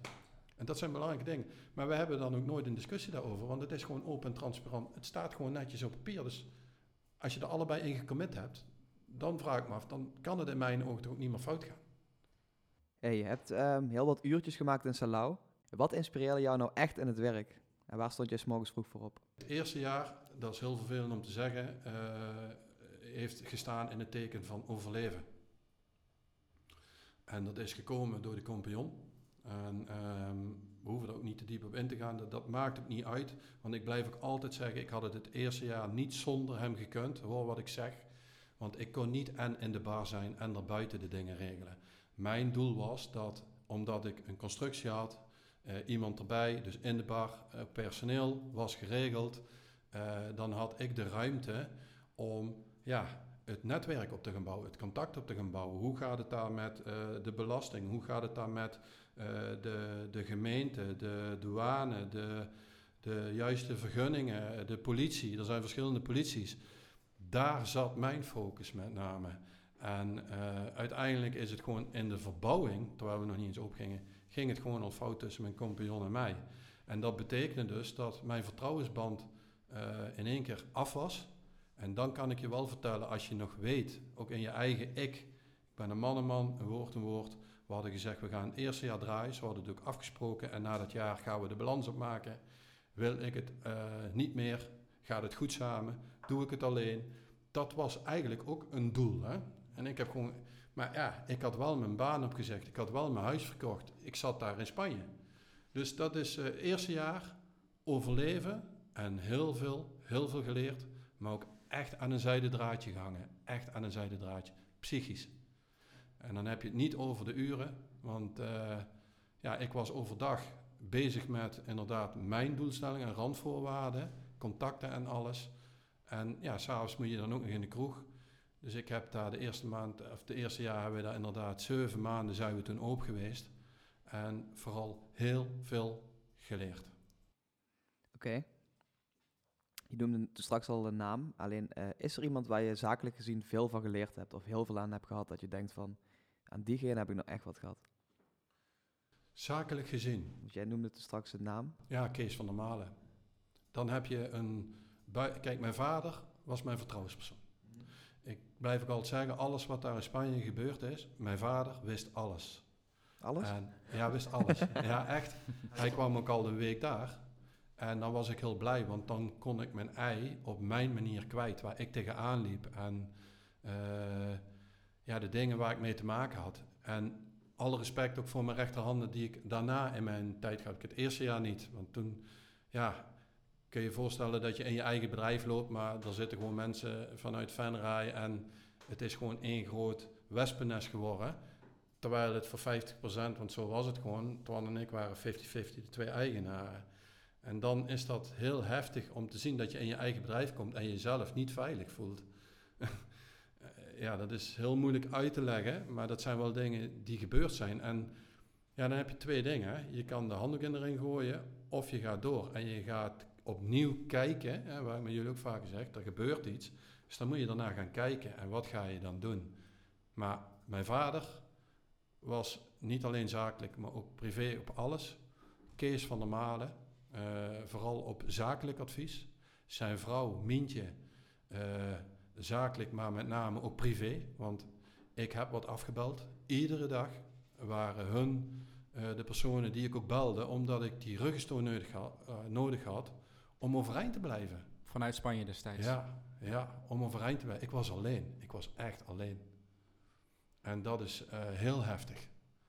En, ehm, maar dat is inderdaad zakelijk. Maar daarna ook in Spanje, twee deuren verder. eh, mijn Spaanse ouders noemde ik ze. En nog steeds, eh, helaas er al eentje overleden. Maar ehm, dat je dan in je pand komt en alles is dicht. En, of ja, het was toen open, het was ingebroken. Eh, en de elektriciteit en alles is afgesloten. En je ziet daarna de aftappingen van stroomgaten, en prikkeldraden, rekeningen eromheen. Denk ja, waar, waar gaan we aan beginnen? En ehm dus wat ook niet eens water, gas, elektriciteit. En ik ben bij hun gaan vragen. En vanaf daar hebben we iedere dag een, eh, een rol uit mogen leggen dat we stroom en water hadden. En we zeggen, nou, dan komen we iedere dag hier bij jullie eten. Want dan kan ik ook wat terug doen. Ja, je wil niet weten hoe dat voelt. En, en uiteindelijk waren het, ik zie, dan krijg ik weer kippenval. Dat was ook zakelijk, maar ook privé. Daar kon je dingen bij kwijt, maar daar kreeg je vanuit de Spaanse kant in, input. Dus zakelijk gezien en privé ook met name hun. Als, je, als ik naar het eerste jaar terugkijk, zeg maar.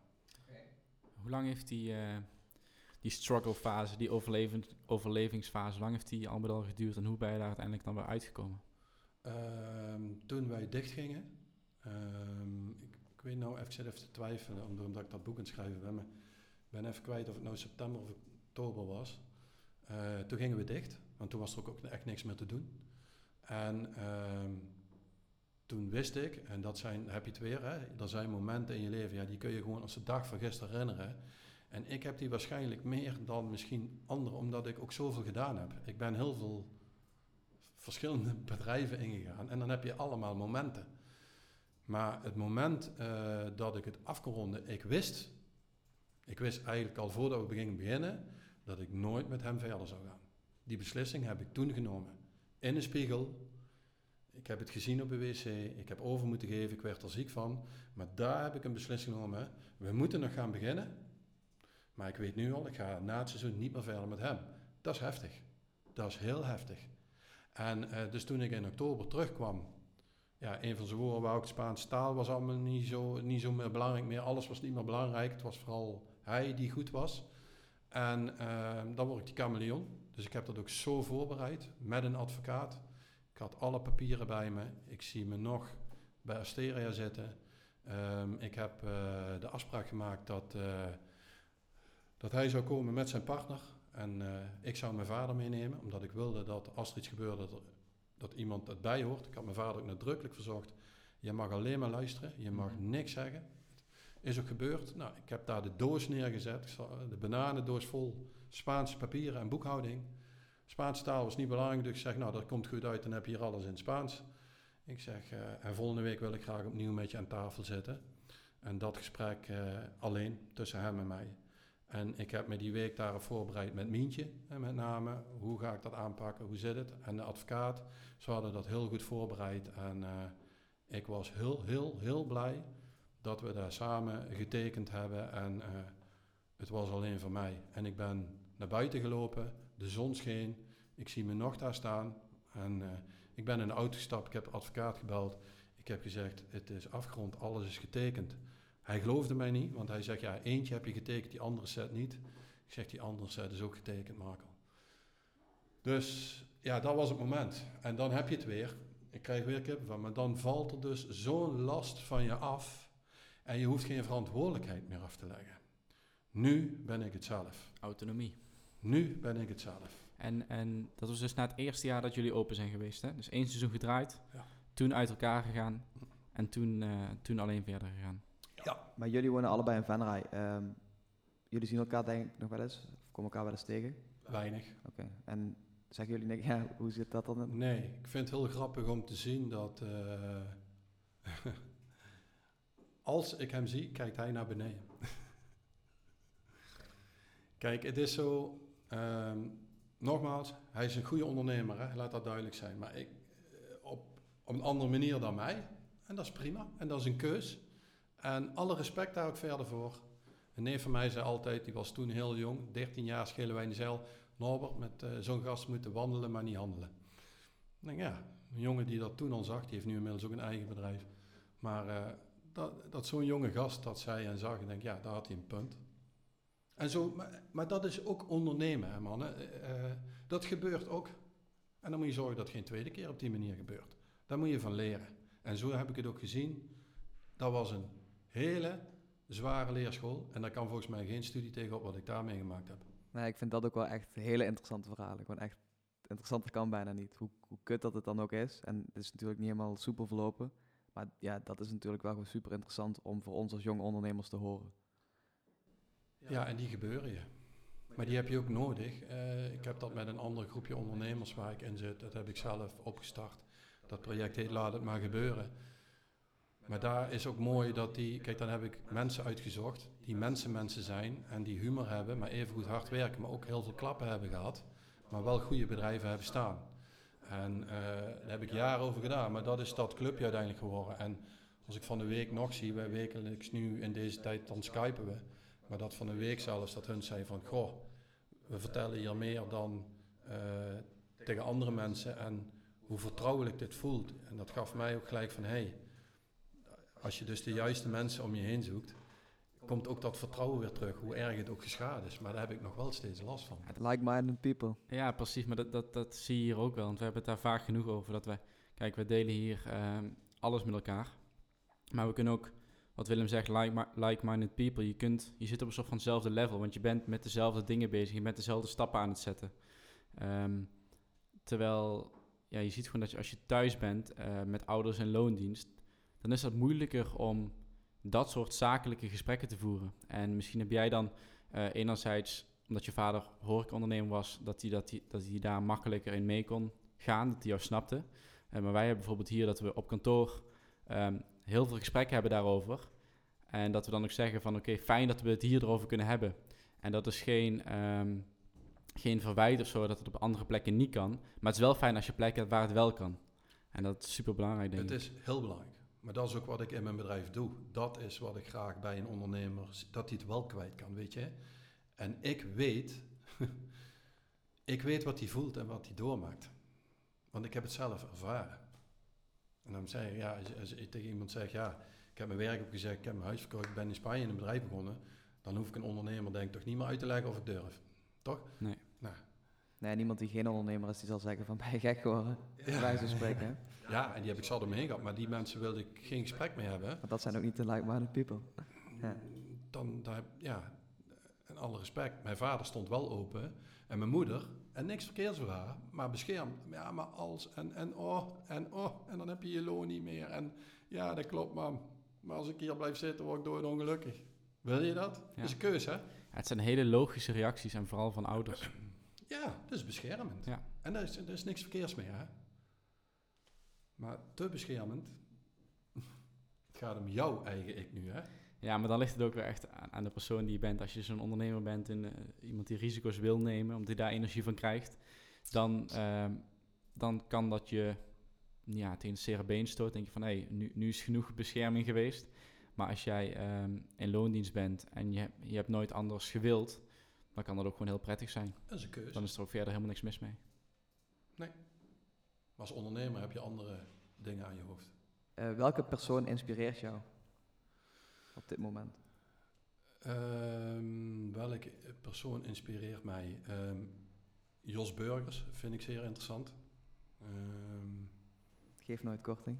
Hè? Geef nooit korting. Ja, precies. we hebben de discussie met jullie ook gehad. De prijs, wat maakt jullie prijs?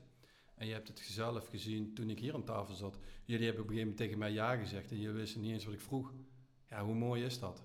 En had ik, had ik gebruik van kunnen maken. Hè? Mooi voor jou, niet voor ons. Ja, maar, ik zeg, maar, maar ook dan hè, is de mindset dat ja. je weggaat en denkt van, ja, weet je, je staat ergens voor. En dan had ik een andere, dat heb ik ook vaker in, met ondernemers, dan had ik een ander bracht, had ze het ook gegaan. Ja, precies. Maar het moet in jouw eigen et ethiek heet dat, hè? Ethisch, moet ja. bij jouw eigen kloppen en betrouwbaar blijven. Ja. Maar uh, ja, Jos Burgers, maar ik heb ook, um, ja, ik, door het nieuwe bedrijf wat ik nu heb, ben ik ook veel selectiever geworden. Ook bewuste keuze waar ik jullie ook naartoe aan brengen ben, zeg maar, met je doelgroepen die je bepaalt. Uh, zit ik nu in een ander kring. Uh, maar ook bewust, met, met, name dat groepje wat ik zelf opsta, laat het maar gebeuren. Maar daar zit Jacques Willems van AZ Barbecue, uh, Han Fleuren van uh, Boomkwekerij in Balo en Jan Fleurkes van Mongozo Bier. Ja, wij hebben met z'n vieren nu een clubje. Maar dat is heel, heel, heel inspirerend. En het gaat verder dan inspirerend, want ja, we noemden laatst zelfs het woord, wat is dit bijzonder? En wij maken daar dingen mee. Ja, daar zijn we aan het kijken of we daar een businessmodel aan kunnen hangen. En dat is weer de uitdaging, maar daar krijg je ook energie van. En hoe gaan we dat doen? Nou, daar hebben we volop discussies over, maar dat zijn mooie discussies. Omdat we graag die mensen zoeken. Ik kan me dat wel goed voorstellen. Zeker omdat, uh, en ik weet ook niet of hun daar, of dat clubje, en zeker ook die anderen, die hebben natuurlijk uh, best wel een bedrijf wat al, langer staat. En hebben hun daar uh, vaker al op, op dat level over gespart? Of komen hun dan nu pas, zeg maar, na al die jaren achter van, hé, hey, zo kan het ook? Snap je? Dan heb ik het met, name over zelfontwikkeling en elkaar echt op andere vlakken aan de tand voelen. Uh, ja, want dat is wel mooi wat je zegt. Kijk, toen ik hun bij elkaar bracht, ja, dan vragen mensen, wat doe je nou? En ik, ik vroeg hun dan, en dat was het onderzoek wat ik gedaan heb toen ik bij de evenement al ben ik ook werkzaam geweest, op beurzen. Ja, en daar kom je, zie je dus natuurlijk heel veel uh, ondernemersvakdagen, maar ook transport, groen. Dus ik kreeg daar weer verschillende doelgroepen. Of je nou met uh, vrachtwagenchauffeurs en uh, transportbedrijven aan tafel zit, of je zit met mensen in het groen, dan heb je heel ander soort, is een heel ander kaliber volk. En ieder volk heeft zijn eigen taal. En dat had ik in Spanje ook. Hè. Limburg sprak een andere taal dan bovenin of in het westen. Dus daar moest je ook mee omgaan. Maar dat is mooi, dat heb ik daar gezien en geleerd. Maar um, hier, dan zie je dus, uh, dan vroeg ik dus ook aan deze ondernemers van, en, en, en die vraag kan ook wel naar de luisteraar stellen van, je gaat naar een avond die je bewust geboekt hebt. Uh, ik noem maar wat, Kuipers was er toen, andere Kuipers. Nou, daar ga je heen en dan raak je als ondernemer kei geïnspireerd. En dan krijg je energie van. Daar gaat je adrenaline omhoog en dan ga je weg. Maar dan? Uh, wat gebeurt er nu? Twee, drie dagen zit je vol adrenaline. Kan je het thuis kwijt? Kan je het in je bedrijf kwijt? Heb je een goede rechterhand waar je het kwijt kunt? Dat waren dan de vragen die ik stelde. En dan? En dan krijg je ideeën, hè, want dat is als ondernemer, als je de goede ondernemer bent, zeg ik altijd, dat is het bruiste toch van kansen zien. En wat doe je daarna mee? En toen zei ik dus ook tegen hun van, hey, hoe mooi zou het zijn Jullie hebben ideeën, ik heb ideeën, maar dat we samen naar die ideeën gaan kijken. En we leggen die op tafel, gaan brainstormen. En we halen dan, moeten met z'n vieren naar kijken, dat we alle vier zeggen, dit is een gaaf onderwerp. Daar gaan we aan beginnen. Daar krijg ik energie van. En we halen die naar boven. Jullie gaan weer, die drie gaan weer in een eigen bedrijf. Maar ik zei de gek, de aanstichter, ik zei, ik heb de tijd om het verder uit te zoeken. De input die we nodig hebben. Daarmee kan ik uren maken. En zoek dan iets uit. Dus hun blijven in hun energie zitten. Snap je? Dat was mijn doelstelling. En daarna, ja, als je dan iets hebt, dan moet het ook nog verkocht worden. Sales. Ja, maar ja, ik zit in mijn eigen bedrijf. Ja, maar op die positie, ik kom uit de sales, dat vind ik juist de uitdaging, de game. Dat kan ik ook. Ja, en ik denk dat, het, dat dan een stukje consistentie heel belangrijk is. Dus je zegt van, we hebben elke week nu die Skype-meeting. En in een normale situatie gewoon een, uh, een, fysieke afspraak. Um, zelf heb er ook een aantal ja, side projects waarmee je met een, een andere of een clubje ondernemers eigenlijk iets aan het bouwen bent. En dan merk je gewoon als je zo'n afspraak hebt gehad, dan bij de, en dat is dan vaak s'avonds, want het moet, ja, de andere mensen zijn dan loondienst, dus dat moet dan s'avonds. Um, maar dan ga je naar huis en dan kun je gewoon niet slapen. Omdat je zo bruist van alle ideeën en van de energie. En je wilt liefst gewoon de hele nacht doorwerken. Omdat je, je hebt nu het gevoel, nu kan ik alles aan. Uh, twee dagen later, twee dagen na die afspraak, dan is het energielevel gezakt. Dan is je eigen business weer prioriteit, want zo gaat dat. Dus weer de waan van de dag als het ware. Um, en dan gaat je energie eigenlijk weer geleidelijk omlaag, totdat je weer zo'n afspraak hebt. Totdat er nieuwe updates zijn, totdat er uh, nieuwe ontwikkelingen zijn in dat project. En dan krijg je weer energie. Um, die fout of de fout, de, de, de, waar we toen niet uh, naar hebben gekeken in het begin, is dat we die afspraak consistent inplanden. Dus het kon goed zijn dat we de ene week drie keer zaten, maar dan één of twee weken misschien wel niet, omdat we moesten wachten op derde of dat we zelf met dingen bezig waren die langer dan een week duurden. En op een gegeven moment, toen ga- heb ik het ook aangegeven, luister, ik ga elke keer met zoveel energie weg, maar ik wil dat vasthouden. En dat, het is logisch dat het, dat het even verzwakt na een aantal dagen, maar dat moet weer omhoog. Dus wat we nu hebben gedaan, wat, je, wat jullie dus ook doen, gewoon wekelijks een meeting. En dat kan gewoon even videobellen zijn, we hoeven daar niet altijd voor bij elkaar te komen. Eh, want dat is uh, ja, logistiek gewoon allemaal niet zo handig. Maar uh, al is het met 10 minuten, even een update, even elkaar bezien, even elkaar ja, digitaal in de ogen kijken. Uh, en dat zorgt gewoon voor nieuwe energie. En dan kun je dus die projecten, die concepten, kun je blijven doorontwikkelen. Dat was toen ook heel erg bij Otherwise. Hè? Dus Ja, op de woensdagavond altijd vaste, vaste prik. Dan nam het heel veel energie eh, weg. Alleen toen was iedereen ook voor de rest zo druk, dat, en het weekend natuurlijk erbij, dat je dan vaak de volgende week, week op maandag, dinsdag begon het dan weer te prikkelen. En dan, dan begon je aan je dingen.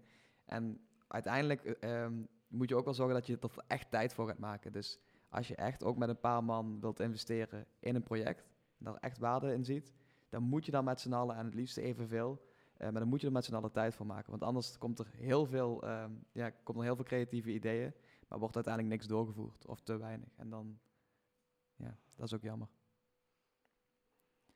Ehm, Norbert, waar ben jij het zakelijk gezien het meeste trots op? Eh, waar ben ik zakelijk gezien het meest trots op? Sowieso eh, mijn eerste kindje, dat was gewoon eh, het feestcafé in, in, in Spanje. Daar ben ik het meest trots op.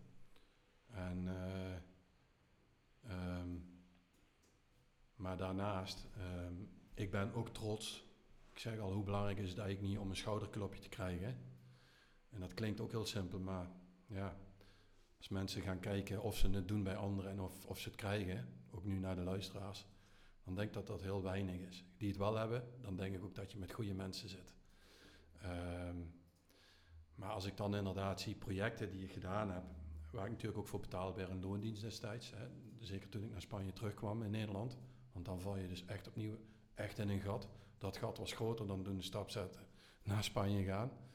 Ehm, dan eh, ben ik trots op eh, verschillende projecten die ik uit heb mogen voeren. En waar ik nu nog steeds van zie dat ze commercieel daar nog steeds de vruchten van plukken. En dan denk ik, dat is wel mijn bordje geweest. Ik krijg dat niet meer te horen, maar daar ben ik wel trots op, want ik, heb dat wel verwezenlijkt voor hun. En nu ben ik eh, trots in het bedrijf wat ik nu heb, ben ik trots op eh, klanten die in mij geloven.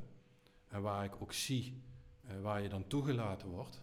En waar je dan uiteindelijk ook ziet dat, dat ze dat ook zien. Dat ze de toegevoegde waarde zien om mij toe te laten in hun, niet alleen hun bedrijf, maar in eerste instantie in hun ziel. En dat vind ik, eh, daar ben ik heel trots op. En nou trots natuurlijk dat ik mijn eigen ja, boek aan het schrijven ben. Eh was ook een, een droomwens. Dan heb je het weer, je moet het toch gewoon doen. Maar dat heeft ook heel lang voor geduurd van ga ik dat wel doen en waarom. En ja, dat is die, die, die prikkels. Hè. En eh, dat project laat het maar gebeuren. Daar ben ik eigenlijk ook ongelooflijk trots op. Wat er ook uit voort zal komen. En wat is nu de status van het boek? Want we hebben de, de epiloog, heet het, of het voorwoord. Ja, proloog. Ik Proloog. wist, ik wist het toen ook niet hoor, maar dat heeft eh, mijn schrijver mij netjes uitgelegd. Ja, de, de proloog staat al online, dus die hebben we gelezen. Maar wat is verder de status? Eh, dat, eh, ehm, nou, ook dat vind ik wel, wel mooi. Ik, ik krijg zoveel. Ik had het twee weken geleden op LinkedIn gezet. En ja, wat ik al zei, ik ben eigenlijk niet allemaal van die dingen. Want je wil ook niet bla bla zijn. Maar ja, sommige mensen adviseren, daar heb ik met jullie ook eens over gehad. Denk, nou, jullie zeggen ook, denk, ik ga toch maar eens af en toe wat posten. Ehm, en toen ik die postte, dat was opnieuw dat er een wereld dan wel voor je open gaat, dat je ook wel ziet dat jullie daar ook natuurlijk een stuk gelijk in hebben, hoe het dan werkt. Maar de reacties die ik krijg, eh, niet alleen via LinkedIn, maar ook apps, telefoons, mailtjes, van oud-klanten, van oud-personeel, eh, ook de mensen om me heen die me wel kennen, dat is zo bizar. En dan ben je aan het schrijven, en nu gaan we toch even een stukje naar het ondernemerschap. Dan zie je ook wel kansen, want op een gegeven moment denk ik van, hey, zou het mooi zijn om in het boek toe te voegen ehm, van hoe is het nu met een oud personeelslid of en wat doet hij nu? Want laatst, ik kom dan bij een jongen uit die heeft bij mij gewerkt, dan ga je hem googlen en dan zie je nu gewoon een man staan die toen 19 was, die heeft gewoon een online bedrijf, zeven warehouses, 300 man in dienst en ik denk, wat de f- Ja, wij, wij hebben dus vorige week hebben we Pim Netjes gesproken en die heeft vijf jaar in eh Mallorca of Juret, wat was het? Juret, hè? ja van, al, eigenlijk van alles. Vijf jaar in Spanje gewerkt, misschien wel op verschillende plekken. Maar eh, Pim heeft vijf jaar in, eh, in Spanje gewerkt, ook, eh, ook in, in het hoogseizoen, zeg maar. En eh, nu is hij eigenaar van Rewind Events, Rewind Amsterdam. Eh, zit door heel Nederland met feesten, met evenementen, met festivals. Heeft onze podcast verteld dat hij eh, bezig is met uitbreidingen zelfs naar Azië. Ehm, dus daar zie je ook weer. En hij, hij zegt dus ook echt dat, net, of dat netwerk wat ik daar heb opgebouwd, daar in Spanje, dat heeft ervoor gezorgd, dat heeft eigenlijk die kickstart eh, ook aan mijn bedrijf gegeven. Want dat heeft er voor hem voor gezorgd dat hij in Maastricht, in Eindhoven, in Groningen, in, eh hier in Venray, overal terecht kon met zijn feesten. Dat hij overal wel iemand kende. Mhm. Ehm, dus zo kun je zien inderdaad ook het voorbeeld dat jij nu geeft van wat zo'n tijd, wat alleen maar lang leven de lol lijkt en misschien ook wel is, wat het uiteindelijk wel kan opleveren. Maar dat was ook mijn insteek. Hè? Als je, je vroeg in het begin van, eh, van eh, waarom heb, ben je daarheen gegaan? En dat is eigenlijk ook wel grappig. Ik kijk vanuit het entertainen een kind. Want dat is eigenlijk waar mijn ding zit. En ehm, dus ik ging kijken, waar kan ik entertainment uitvoeren? Want een van mijn droomwensen was ook mijn eigen kindertelevisieprogramma hebben. Ik had toen een concept wat er echt niet was. En ik heb daar ook verschillende audities voor gedaan. Maar dan struikel je destijds over de Limburgse taal. Ja, dan denk ik, wat, eh, nu is dat niet meer. Terwijl het idee hartstikke goed was. En daarna zie je ook wel dat sommige dingen al opgezet zijn en voorbestemd. Eh, want bij eentje had ik bij Fox Kids, dacht ik echt van, dit gaat hem worden. Voelde ook echt zo. En die opnames waren echt anders dan de standaard mensen die met een microfoon gingen staan. Dat had ik niet. En zelfs die crew die lag helemaal in een deuk dat ik dacht van, dat voelt goed. Maar in één keer zag ik Sylvie Meijs, eh, die moest de opnames maken. Ik dacht wel, nou dat klopt niet helemaal. In mijn ogen is dat doorgestoken kaart. Maar goed, dat, dat zijn dingen die gebeuren, maar daar leer je ook van. Maar het entertainment trok mij altijd. En door die combinatie, maar daarom zeg ik, daar ga je naar kansen kijken. Hè, want daar gaat het van het ondernemerschap uit. Ik spar dus met ondernemers, maar ik denk dat daar ook het verschil zit met andere coaches tussen haakjes. En alle respect verder van hun. Heb je het weer geschoold of dat zijn eh, die dan stap afgewerkt worden. Ik praat vanuit ervaring en kennis. En wel vanuit het onderbuikgevoel en boerenverstand. Want daar hebben we het ook over gehad. Want je voelt het. Je hoeft het niet, je voelt het zelf. Alleen je moet het alert zijn en dan reageren. En dat maakte dat ik inderdaad Spaans relaties, Spaanse taal hield ik van, sprak ik. Denk ja, als ik dan het entertainment daar kan combineren in de zomer, waar mensen uit hun dak gaan, daar worden grenzen verlegd. Hè, weer letterlijk en figuurlijk. Dan kan je meer dan een kroeg hier in Nederland. Dus doe ik daar het entertainment. En dat er uiteindelijk een kroeg omheen hing, klinkt nou misschien heel raar om te zeggen, was eigenlijk bijzaak. Het ging mij vooral om het entertainen, om mensen, dat was mijn visie, dat die over twintig jaar nog zeggen, oh weet je daar toen dat feest bij nog. En het grappige is, toen ik dat online gooide via LinkedIn, kreeg ik dus een reactie van gasten uit Maastricht, die daar drie jaar eh, geweest zijn, die alleen maar een koffer bij zich hadden met onderbroek, tandenborstel en alleen maar verkleedspullen. dat die naar mij reageerden en dat ik me hun erover had en dat zei, nou wat is dit sterk, we hebben het er laatst nog over en hou ons op de hoogte. En dat doet dan dus LinkedIn. Eén simpele post. Wat is een van jouw grootste zakelijke blunders? Oh. Ja. Ja, dat staat ook altijd een blunder tegen. Ja, ja, die heb ik ook een paar. Ik denk dat de grootste die ik ooit gemaakt heb, ehm, toen ik bij Xerox werkte, kwam ik op een nieuwe afdeling, Custom Mediation. En wij hadden dus eh, een team met vier man. Was echt ook een gouden team. En wij moesten voorraden aan de, of producten aan de klanten wereldwijd leveren. Dus wij waren eigenlijk altijd, eh, omdat je op tijdsverschillen zat, moest je dus bereikbaar zijn. En ehm, mijn toenmalige baas, Louis Cognaerts, die moest naar Frankrijk. En Frankrijk was mijn klant. En ik dacht, ja, ik moet daar zorgen dat hij daar alle credits krijgt en, eh, namens ons. En die gaat daar niet voor niks heen. En het was zo dat, eh, we noemden dat JIT, Just in Time, spullen. Dus er gingen grote machines, werden dan door een klant besteld. Hadden we in Frankrijk hadden we 12 adressen. En dan moest ik dus naar die 12 adressen de vrachtwagen sturen. En het was zo, als een vrachtwagen dan nog restruimte over had, dan kon je, was er een lijst met spullen. En als er iedere keer wat over was, mocht je alles wat daar dan nog van was, daarbij douwen. Want dan vulde je de vrachtwagen aan. Maar dat was mij toen niet uitgelegd. Dus wat ik deed, ik had al die lijsten gepakt en alle voorraden die we hadden, allemaal onderdelen, ik had alles in vrachtwagens. Dus ik had ook meer vrachtwagens verstuurd. Maar met die onderdelen, wat helemaal niet de zakelijke afspraak was. Dus Louis belde mij op, net in Davos. En nog hoeveel vrachtwagens kan... Ja, het gaat hartstikke goed, man. Ik heb zoveel vrachtwagens. En hij, echt? En ik hoorde hem wel denken van, kan dat? Oh, wat goed. En dan zit ik hier relaxed. Nou, daarna kreeg ik dus te horen dat alles terug kon komen. Want uh, dat was niet de werkwijze. Ja, dat is natuurlijk een blunder, maar... Oh, daar heb ik wakker van gelegen, jongen. En dan, denk, dan moet je je daar waarmaken. En toen stond ik dus gelijk met 300 daarna uit. Dus die kwam helemaal over de rode terug. Ja. Dat was wel een blunder, denk ik. Dat was een duur geintje. Ja, dat was een heel duur geintje. Ach ja. um, je zei dat je veel uh, Netflix keek. Heb jij een favoriete film of serie? En dan met name over zelfontwikkeling of zo? Ik kijk heel graag documentaires. Um, ja, ik heb zelf uh, ook met name op voetbal vind ik heel mooi. Zico doet dat nou. Uh, zo'n Hakim Ziyech uh, die je dan ziet hoe dat, dat gaat. Maar met name zo'n Sané bij Liverpool. Ik weet niet of je die gezien hebt. Dan zie je dus verhaal dat hij uit Senegal komt. En hoe hij daar in een arme wijk en op geen schoenen. En ja, dan, dan krijg ik weer kippenvel. En dan zie je dus een verhaal. Iemand die in zichzelf gelooft. En eigenlijk niet mag gaan. Ook vanuit de ouders en het kan allemaal niet. Die dan stiekem een trein pakt. En naar zo'n complex gaat. Dus een week gewoon weg is uit huis. Dat de mensen denken van waar blijft hij? En ja, toen had je ook niet de telefoons en zo. En dat hij dat deed. En als je dan ziet waar hij nu staat, zo'n verhalen inspireren mij. Ik ben nu uh, The Last Dance. Ja, dan zie je dus uh, een paar verschillende karakters. Maar ook dan vind ik het mooi om te zien dat uh, zo'n Rodman bijvoorbeeld. Ja, die is natuurlijk, dat is een, een mega aparte gebruiksaanwijzing.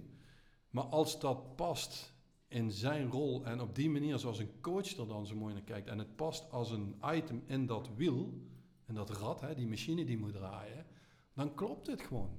Maar je ziet ook als het ergens wegvalt of het radeltje hapert, de rotte appel. Ik zie dat kleine dikke mannetje daar nu nog staan. ik, weet, ik, ik zit er nog in, dus ik kan eigenlijk geen oordeel geven. Ik moet eerst alles zien. Maar dan, ja, dan zie ik weer de andere kant hoe mensen gebruik. En met, dat betekent eigenlijk dat die persoon eerst aan zichzelf had moeten werken, maar daardoor anderen kapot kan maken. Hè? Ja. ik heb gisteren uh, 9 en 10 gekeken. Die zijn uh, maandag online gekomen. En uh, tot, tot daarvoor was 7 de allermooiste aflevering. En misschien nog steeds wel, maar 9 en ook 10 echt echt weer fantastisch. Het, het, voelt een beetje alsof we reclame voor die, uh, voor die serie aan het maken zijn. Want we hebben nou al drie uh, afleveringen oh. over de serie gehad. Ja, maar dat maakt niet uit. Dat het is gewoon een top. dus wel in. En je ja, ziet dus dat het werkt. Het is echt een topserie. Ja. ja. Maar dat... Uh, ja, en zo om toch je ontspanning te houden. ja, ik zit gewoon met lichamelijke dingen. Maar ook dat is zoekende waarin ik met mijn bedrijf kijk. Dat ik dus ook niet zelf een product meer zou willen hebben. Terwijl ik wel ook nog steeds ook iets heb liggen wat, waar ik weet dat goud kan zijn. Alleen daar zoek ik gewoon op mijn manier dadelijk de juiste mensen voor. Willem, jij wilde de founder gaan kijken, uh, vertelde je net. Ja, daar ben ik gisteren aan begonnen, voor de helft. Je ervan? Ja, vind ik echt heel vet. Dat gaat ook over inderdaad, um, misschien is die, um, misschien is het wel een beetje hetzelfde type als wat, uh, ik weet niet of je de film kent, van McDonald's. Ja, um, ja hebt, dat is ook zo'n... Je hebt natuurlijk het, uh, de broers die het idee hebben en je hebt iemand die er echt mee de hoort op gaat. En um, ja, ik kan er eigenlijk nog niet, al, niet alles van zeggen. Dan moet ik hem ook helemaal gekeken hebben. Maar ik vind hem tot nu toe echt, uh, echt top. Ja, hij, uh, Ray Kroc, dat is uiteindelijk de, de grote man achter McDonald's. Die, um, die verkoopt milkshake ja. machines. Ja, ik heb hem gezien. En die komt uh, bij de broer, bij de, zo, nee, ik Amerikaans praten. Die komt bij de broers McDonald's uit. En die hebben dus een, um, ja, eigenlijk het concept McDonald's wat, wat we nu kennen, hadden zij toen in de kinderschoenen staan. Oftewel, je bestelt je, um, je, bestelt je, je eten en je hebt eigenlijk meteen voor je neus staan. En uh, toen Ray Kroc dat zag, dacht hij van, hey, hier, moet ik, hier moet ik instappen. En hij heeft dat concept dus helemaal gefranchised en door heel Amerika en inmiddels over de hele wereld uh, verspreid. Dus ja, voor de, voor de ondernemers onder ons, die staat ook op Netflix. Hele, hele inspirerende film met ook wel weer een beetje een, um, een donkere zijde. Want het loopt helemaal niet lekker tussen die broers en, uh, en de, de, de uiteindelijke grote man van McDonald's. Maar uh, ja, wel een mooie film om eens te kijken. Ik was gisteren bij het deel dat hij dus inderdaad in, het begin van het stadium en zijn aandelen ging verkopen aan zijn rijke luisvriendjes op de golfbaan. En dat hij op een gegeven moment ook, uh, ja, was natuurlijk helemaal omringd door die mensen. Maar zei tegen zijn vrouw van, uh, dit zijn niet meer de mensen waar ik mee om wil gaan. En dat was ook wel dat ik dacht van, oké, dat is dus iemand die heeft het aan de ene kant al gemaakt. Maar die wil dus inderdaad toch eh, ja, zich, eh, zich optrekken aan de energie van de, die twee broers die toch eh, ja, die gewoon willen knallen met een, eh, of ja, willen knallen, die gewoon een heel goed concept hebben. En die eigenlijk niet eens willen knallen, die het eigenlijk heel perfectionistisch, heel kleinschalig willen houden. Maar die gast ziet natuurlijk kan, die ruikt kansen en die wil het gewoon zo snel mogelijk, eh, zo groot mogelijk opschalen. Ja, super interessant. Ehm, wat zijn jouw dromen nog, zowel zakelijk als privé? Ja, weet je, die, die vraag hoor je ook vaker hè, om mensen heen. En dan heb je het over de, het mooie woord bucketlist. Maar ik denk, ja, en dat is, het is echt wel zo. Ik heb wel al vanaf het moment dat ik bij Xerox weg ben gegaan, ben ik mijn leven op een nog eigenwijzere manier gaan leven. En ehm, ja, ik blijf ook al zeggen, als je dan wens hebt, ik heb al zoveel mee mogen maken, maar dat heb ik zelf opgezocht. Of dat nou duiken is zonder papieren of eh, skydiven, eh, eh, met krokodillen jagen, maar ook, ja... Ik kan, ik kan jou door de reizen die ik maak, want dat is wel, eh, dat blijft hoog op mijn lijst staan. Ik maak ieder jaar, wil ik een verre reis maken. Waarom? Dan kom ik, eh, kan ik alles loslaten. Ik heb geen moeite om de telefoon achter te laten. die discussie hebben we ook gehad zie je vaker mensen daarmee worstelen. Je hoort nou steeds maar dat ze het wel moeten doen. Nou, ik heb dat nooit gehad. Dat ding hoeft voor mij eigenlijk niet. Ja, het is, het is belangrijk in deze wereld. Maar als ik wegga, is het mooiste moment dat ik hem uitzet en op mijn nachtkastje leg. Dat vind ik het mooiste moment. En dan ga ik dus open weg. En waarom een verre reis? Omdat er heel veel culturen zijn. En dan vragen mensen ook weer, ja, wat vond je je mooiste trip? Zeg ik ook, is er niet. Want ieder land heeft op zijn eigen manier zijn of haar cultuur. Of dat nou natuur is en dieren of andersom. Of religie. Ik vind dat mooi om met mensen in gesprek te komen. En daar laat ik mijn accu weer voor op. Om vooral er ook weer van te leren en te zien. Ik zie dat daar ook. Dan vraag ik me wel eens af. Wie zou er gelukkig zijn? Er zitten dan mensen in de bushbush. Die hebben drie dingen om te overleven. Dat is eh, zwemmen, roeien en vissen. Daar worden die kinderen mee opgegroeid. En wij zitten ons hier zorgen te maken om dingen en alles te manipuleren en weet ik al niet wat. Sterkst in het dierenrijk overleven ook. Dat is daar dan ook. Als mensen zwakker zijn, ja, dan vallen ze uit, helaas. Maar dan denk ik, ja, dat zijn dingen die mij dan bezighouden. Dus ja, bucketlist. Ik, ik doe mijn ding wat ik wil doen. Een van mijn dromen die nu wel wordt, is dat boek. Ja, dat, ja. Is dat ook een zakelijk eh, einddoel, dat boek? Heeft twee kanten. Eh, enerzijds, eh, ja, ook de mensen om je heen, ja, maar wie gaat jouw boek nou lezen? Hè, dat ga je ook denken aan het bewust. Ik ga hem sowieso lezen. Hè? Bij deze, ik ga hem sowieso lezen. Ja, maar, maar dat is het grappige. ehm, maar dat is ook weer die insteek waar we het in het begin over hadden. Eh, ook weer commercieel wel niet. Nee, mijn droom is, ik heb daar iets meegemaakt. Ik wil dat graag uitwerken. En ik merk gewoon dat ik dat moet doen. Want dat anders blijft het ook in mijn hoofd zitten. En ik heb een verhaal. Ik heb daar iets meegemaakt eh, in het buitenland. Ja, daarmee denk ik, daarmee ben ik onderscheidend genoeg. En dan ben ik nou maar onbekend. Prima, maar ik wil het voor mezelf hebben. Het is een soort dagboek. Ja, het, het is mijn eigen verhaal, maar wel mijn kant.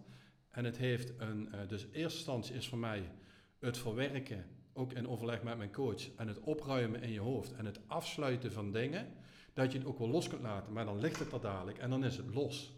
En dan heb je toch iets gerealiseerd en verwezenlijkt weer.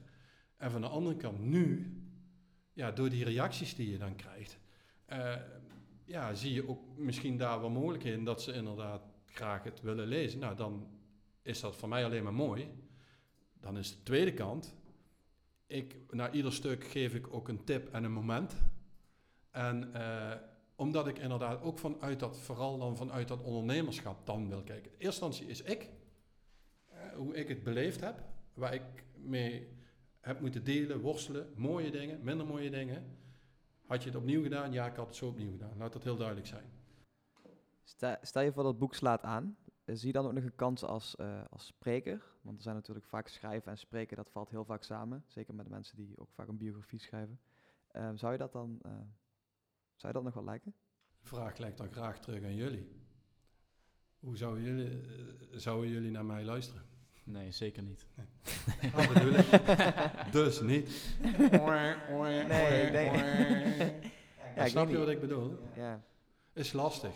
dat, dat ligt ook aan of, of het boek aanslaat of niet, denk ik. Ja, Kan, ik, hè? ik, nou ja, ik had, ik had natuurlijk, eh, ik heb mijn eh, verhaal geschreven en ik kan het niet schrijven. Harry Lukker, die uh, uit Venlo, die schrijft het voor mij. Is 15 jaar redacteur geweest bij de Limburg, de krant. Is redacteur. Is, werkt nu bij Omroep Venlo sinds anderhalf jaar of bijna twee jaar weer. En die is op mijn pad gekomen ooit. Ik had ooit kinderkamp. Ik heb heel veel dingen vrijwillig gedaan en goede doelen. Dat vind ik ook belangrijk. Daar had ik hem in het eerste jaar als kind in mijn groep, samen met Paul Winters overigens. En hoe mooi is het dat één jongen is gewoon één ook van mijn beste vrienden en zie ik ook als mijn zoon, want ik zit wel weer al tussen de jongeren. En Harry gaat nu, die daar toen ook zat, mijn boek schrijven. Hoe mooi is dat, weet je? Ja, uh, ja en, en even, ik moet even terug naar de vraag, dan ben ik hem zelf helemaal... Nou, ik, ik, ja, ik stel, de, ik stel de vraag omdat ik eh, de laatste ben, raak best wel, eh, ben ik best wel gefascineerd van Michael Pielert. Zeg. Ik weet niet of je die kent. Die heeft dus ook een paar boeken geschreven. En uh, ook um, eerst heel erg in het zakelijke gezeten en daarna um, ook helemaal terug naar zichzelf gegaan en um, de hele wereld een x aantal keer in zichzelf uh, rondgezeild. En ja, die is daar ook tot bepaalde inzichten gekomen. En hij is ook een beetje de kruising tussen, inderdaad voor sommigen een beetje het zweverige en het ja, keiharde zakelijke.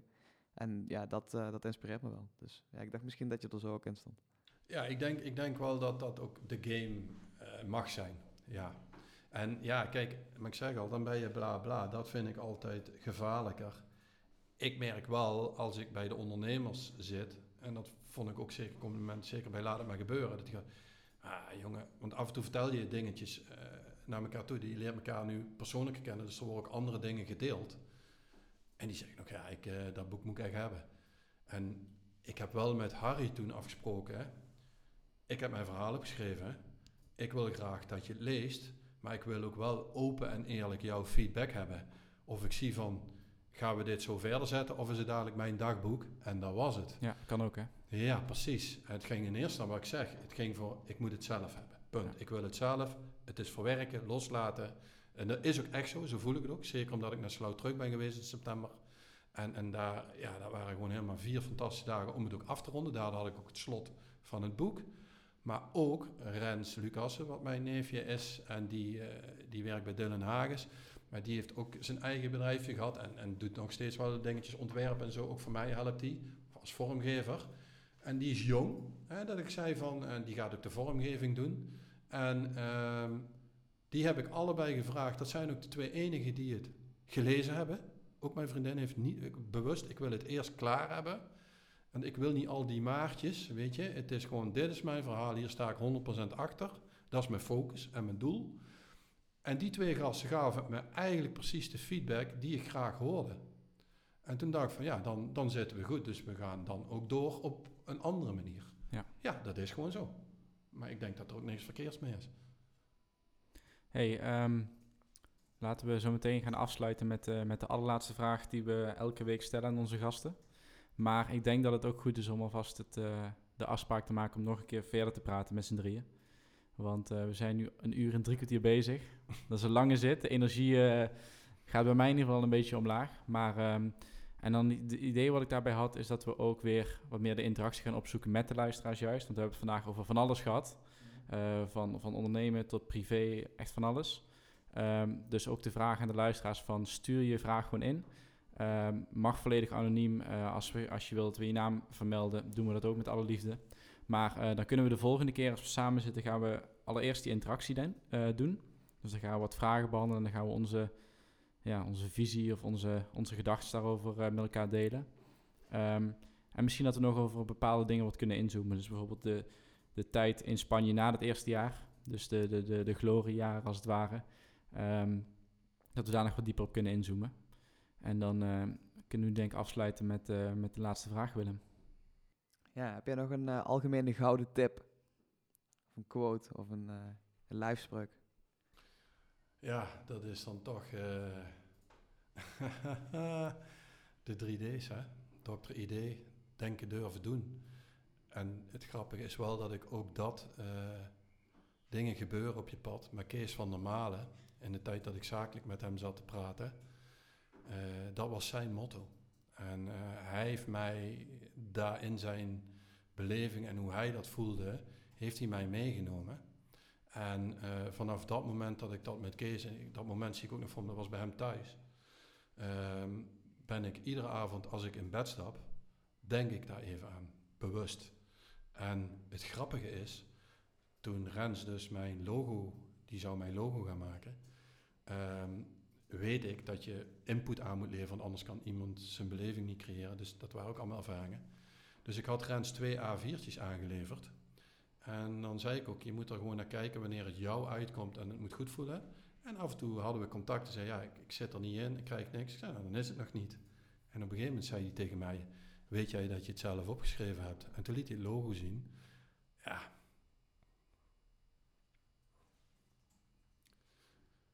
Dan, um, zie je, dan raakt dat weer. Maar dat is ook wat, uh, wat dingen met mensen doen. Hè? Als je dan ziet dat de cirkel rond is en mijn neefje die dit verhaal niet weet, hoe kan die dan in één keer met die gedachte komen? En, en ja, weet je, dan is de cirkel ook rond weer. Maar ik kan ook iets doorgeven van iemand die mij geleerd heeft, weet je. Ik denk dat dit een, eh, een hele, hele mooie afsluiting is van, uh, van deze podcast. Ja. ja. Dan gaan we dat ook maar doen. Gaan we dat ook maar doen. Nee, dus mochten jullie uh, die vragen hebben voor de volgende aflevering samen met Norbert erbij, horen we die ontzettend graag. Um, volgende week zet er weer een gast op het programma. Dat uh, blijven we de aankomende weken ook wel doen. Dat houden we erin. Um, dus mocht je vragen hebben, stuur ze in via Instagram. Ik denk dat dat het makkelijkste is. Vergeet ook niet om uh, ons even te volgen op Spotify, zodat je automatisch de nieuwe afleveringen in je Spotify-player krijgt. Binnenkort ook op iTunes. Binnenkort, nog even. binnenkort inderdaad op iTunes. Dus uh, volg ons daar en dan hoor je ons snel weer.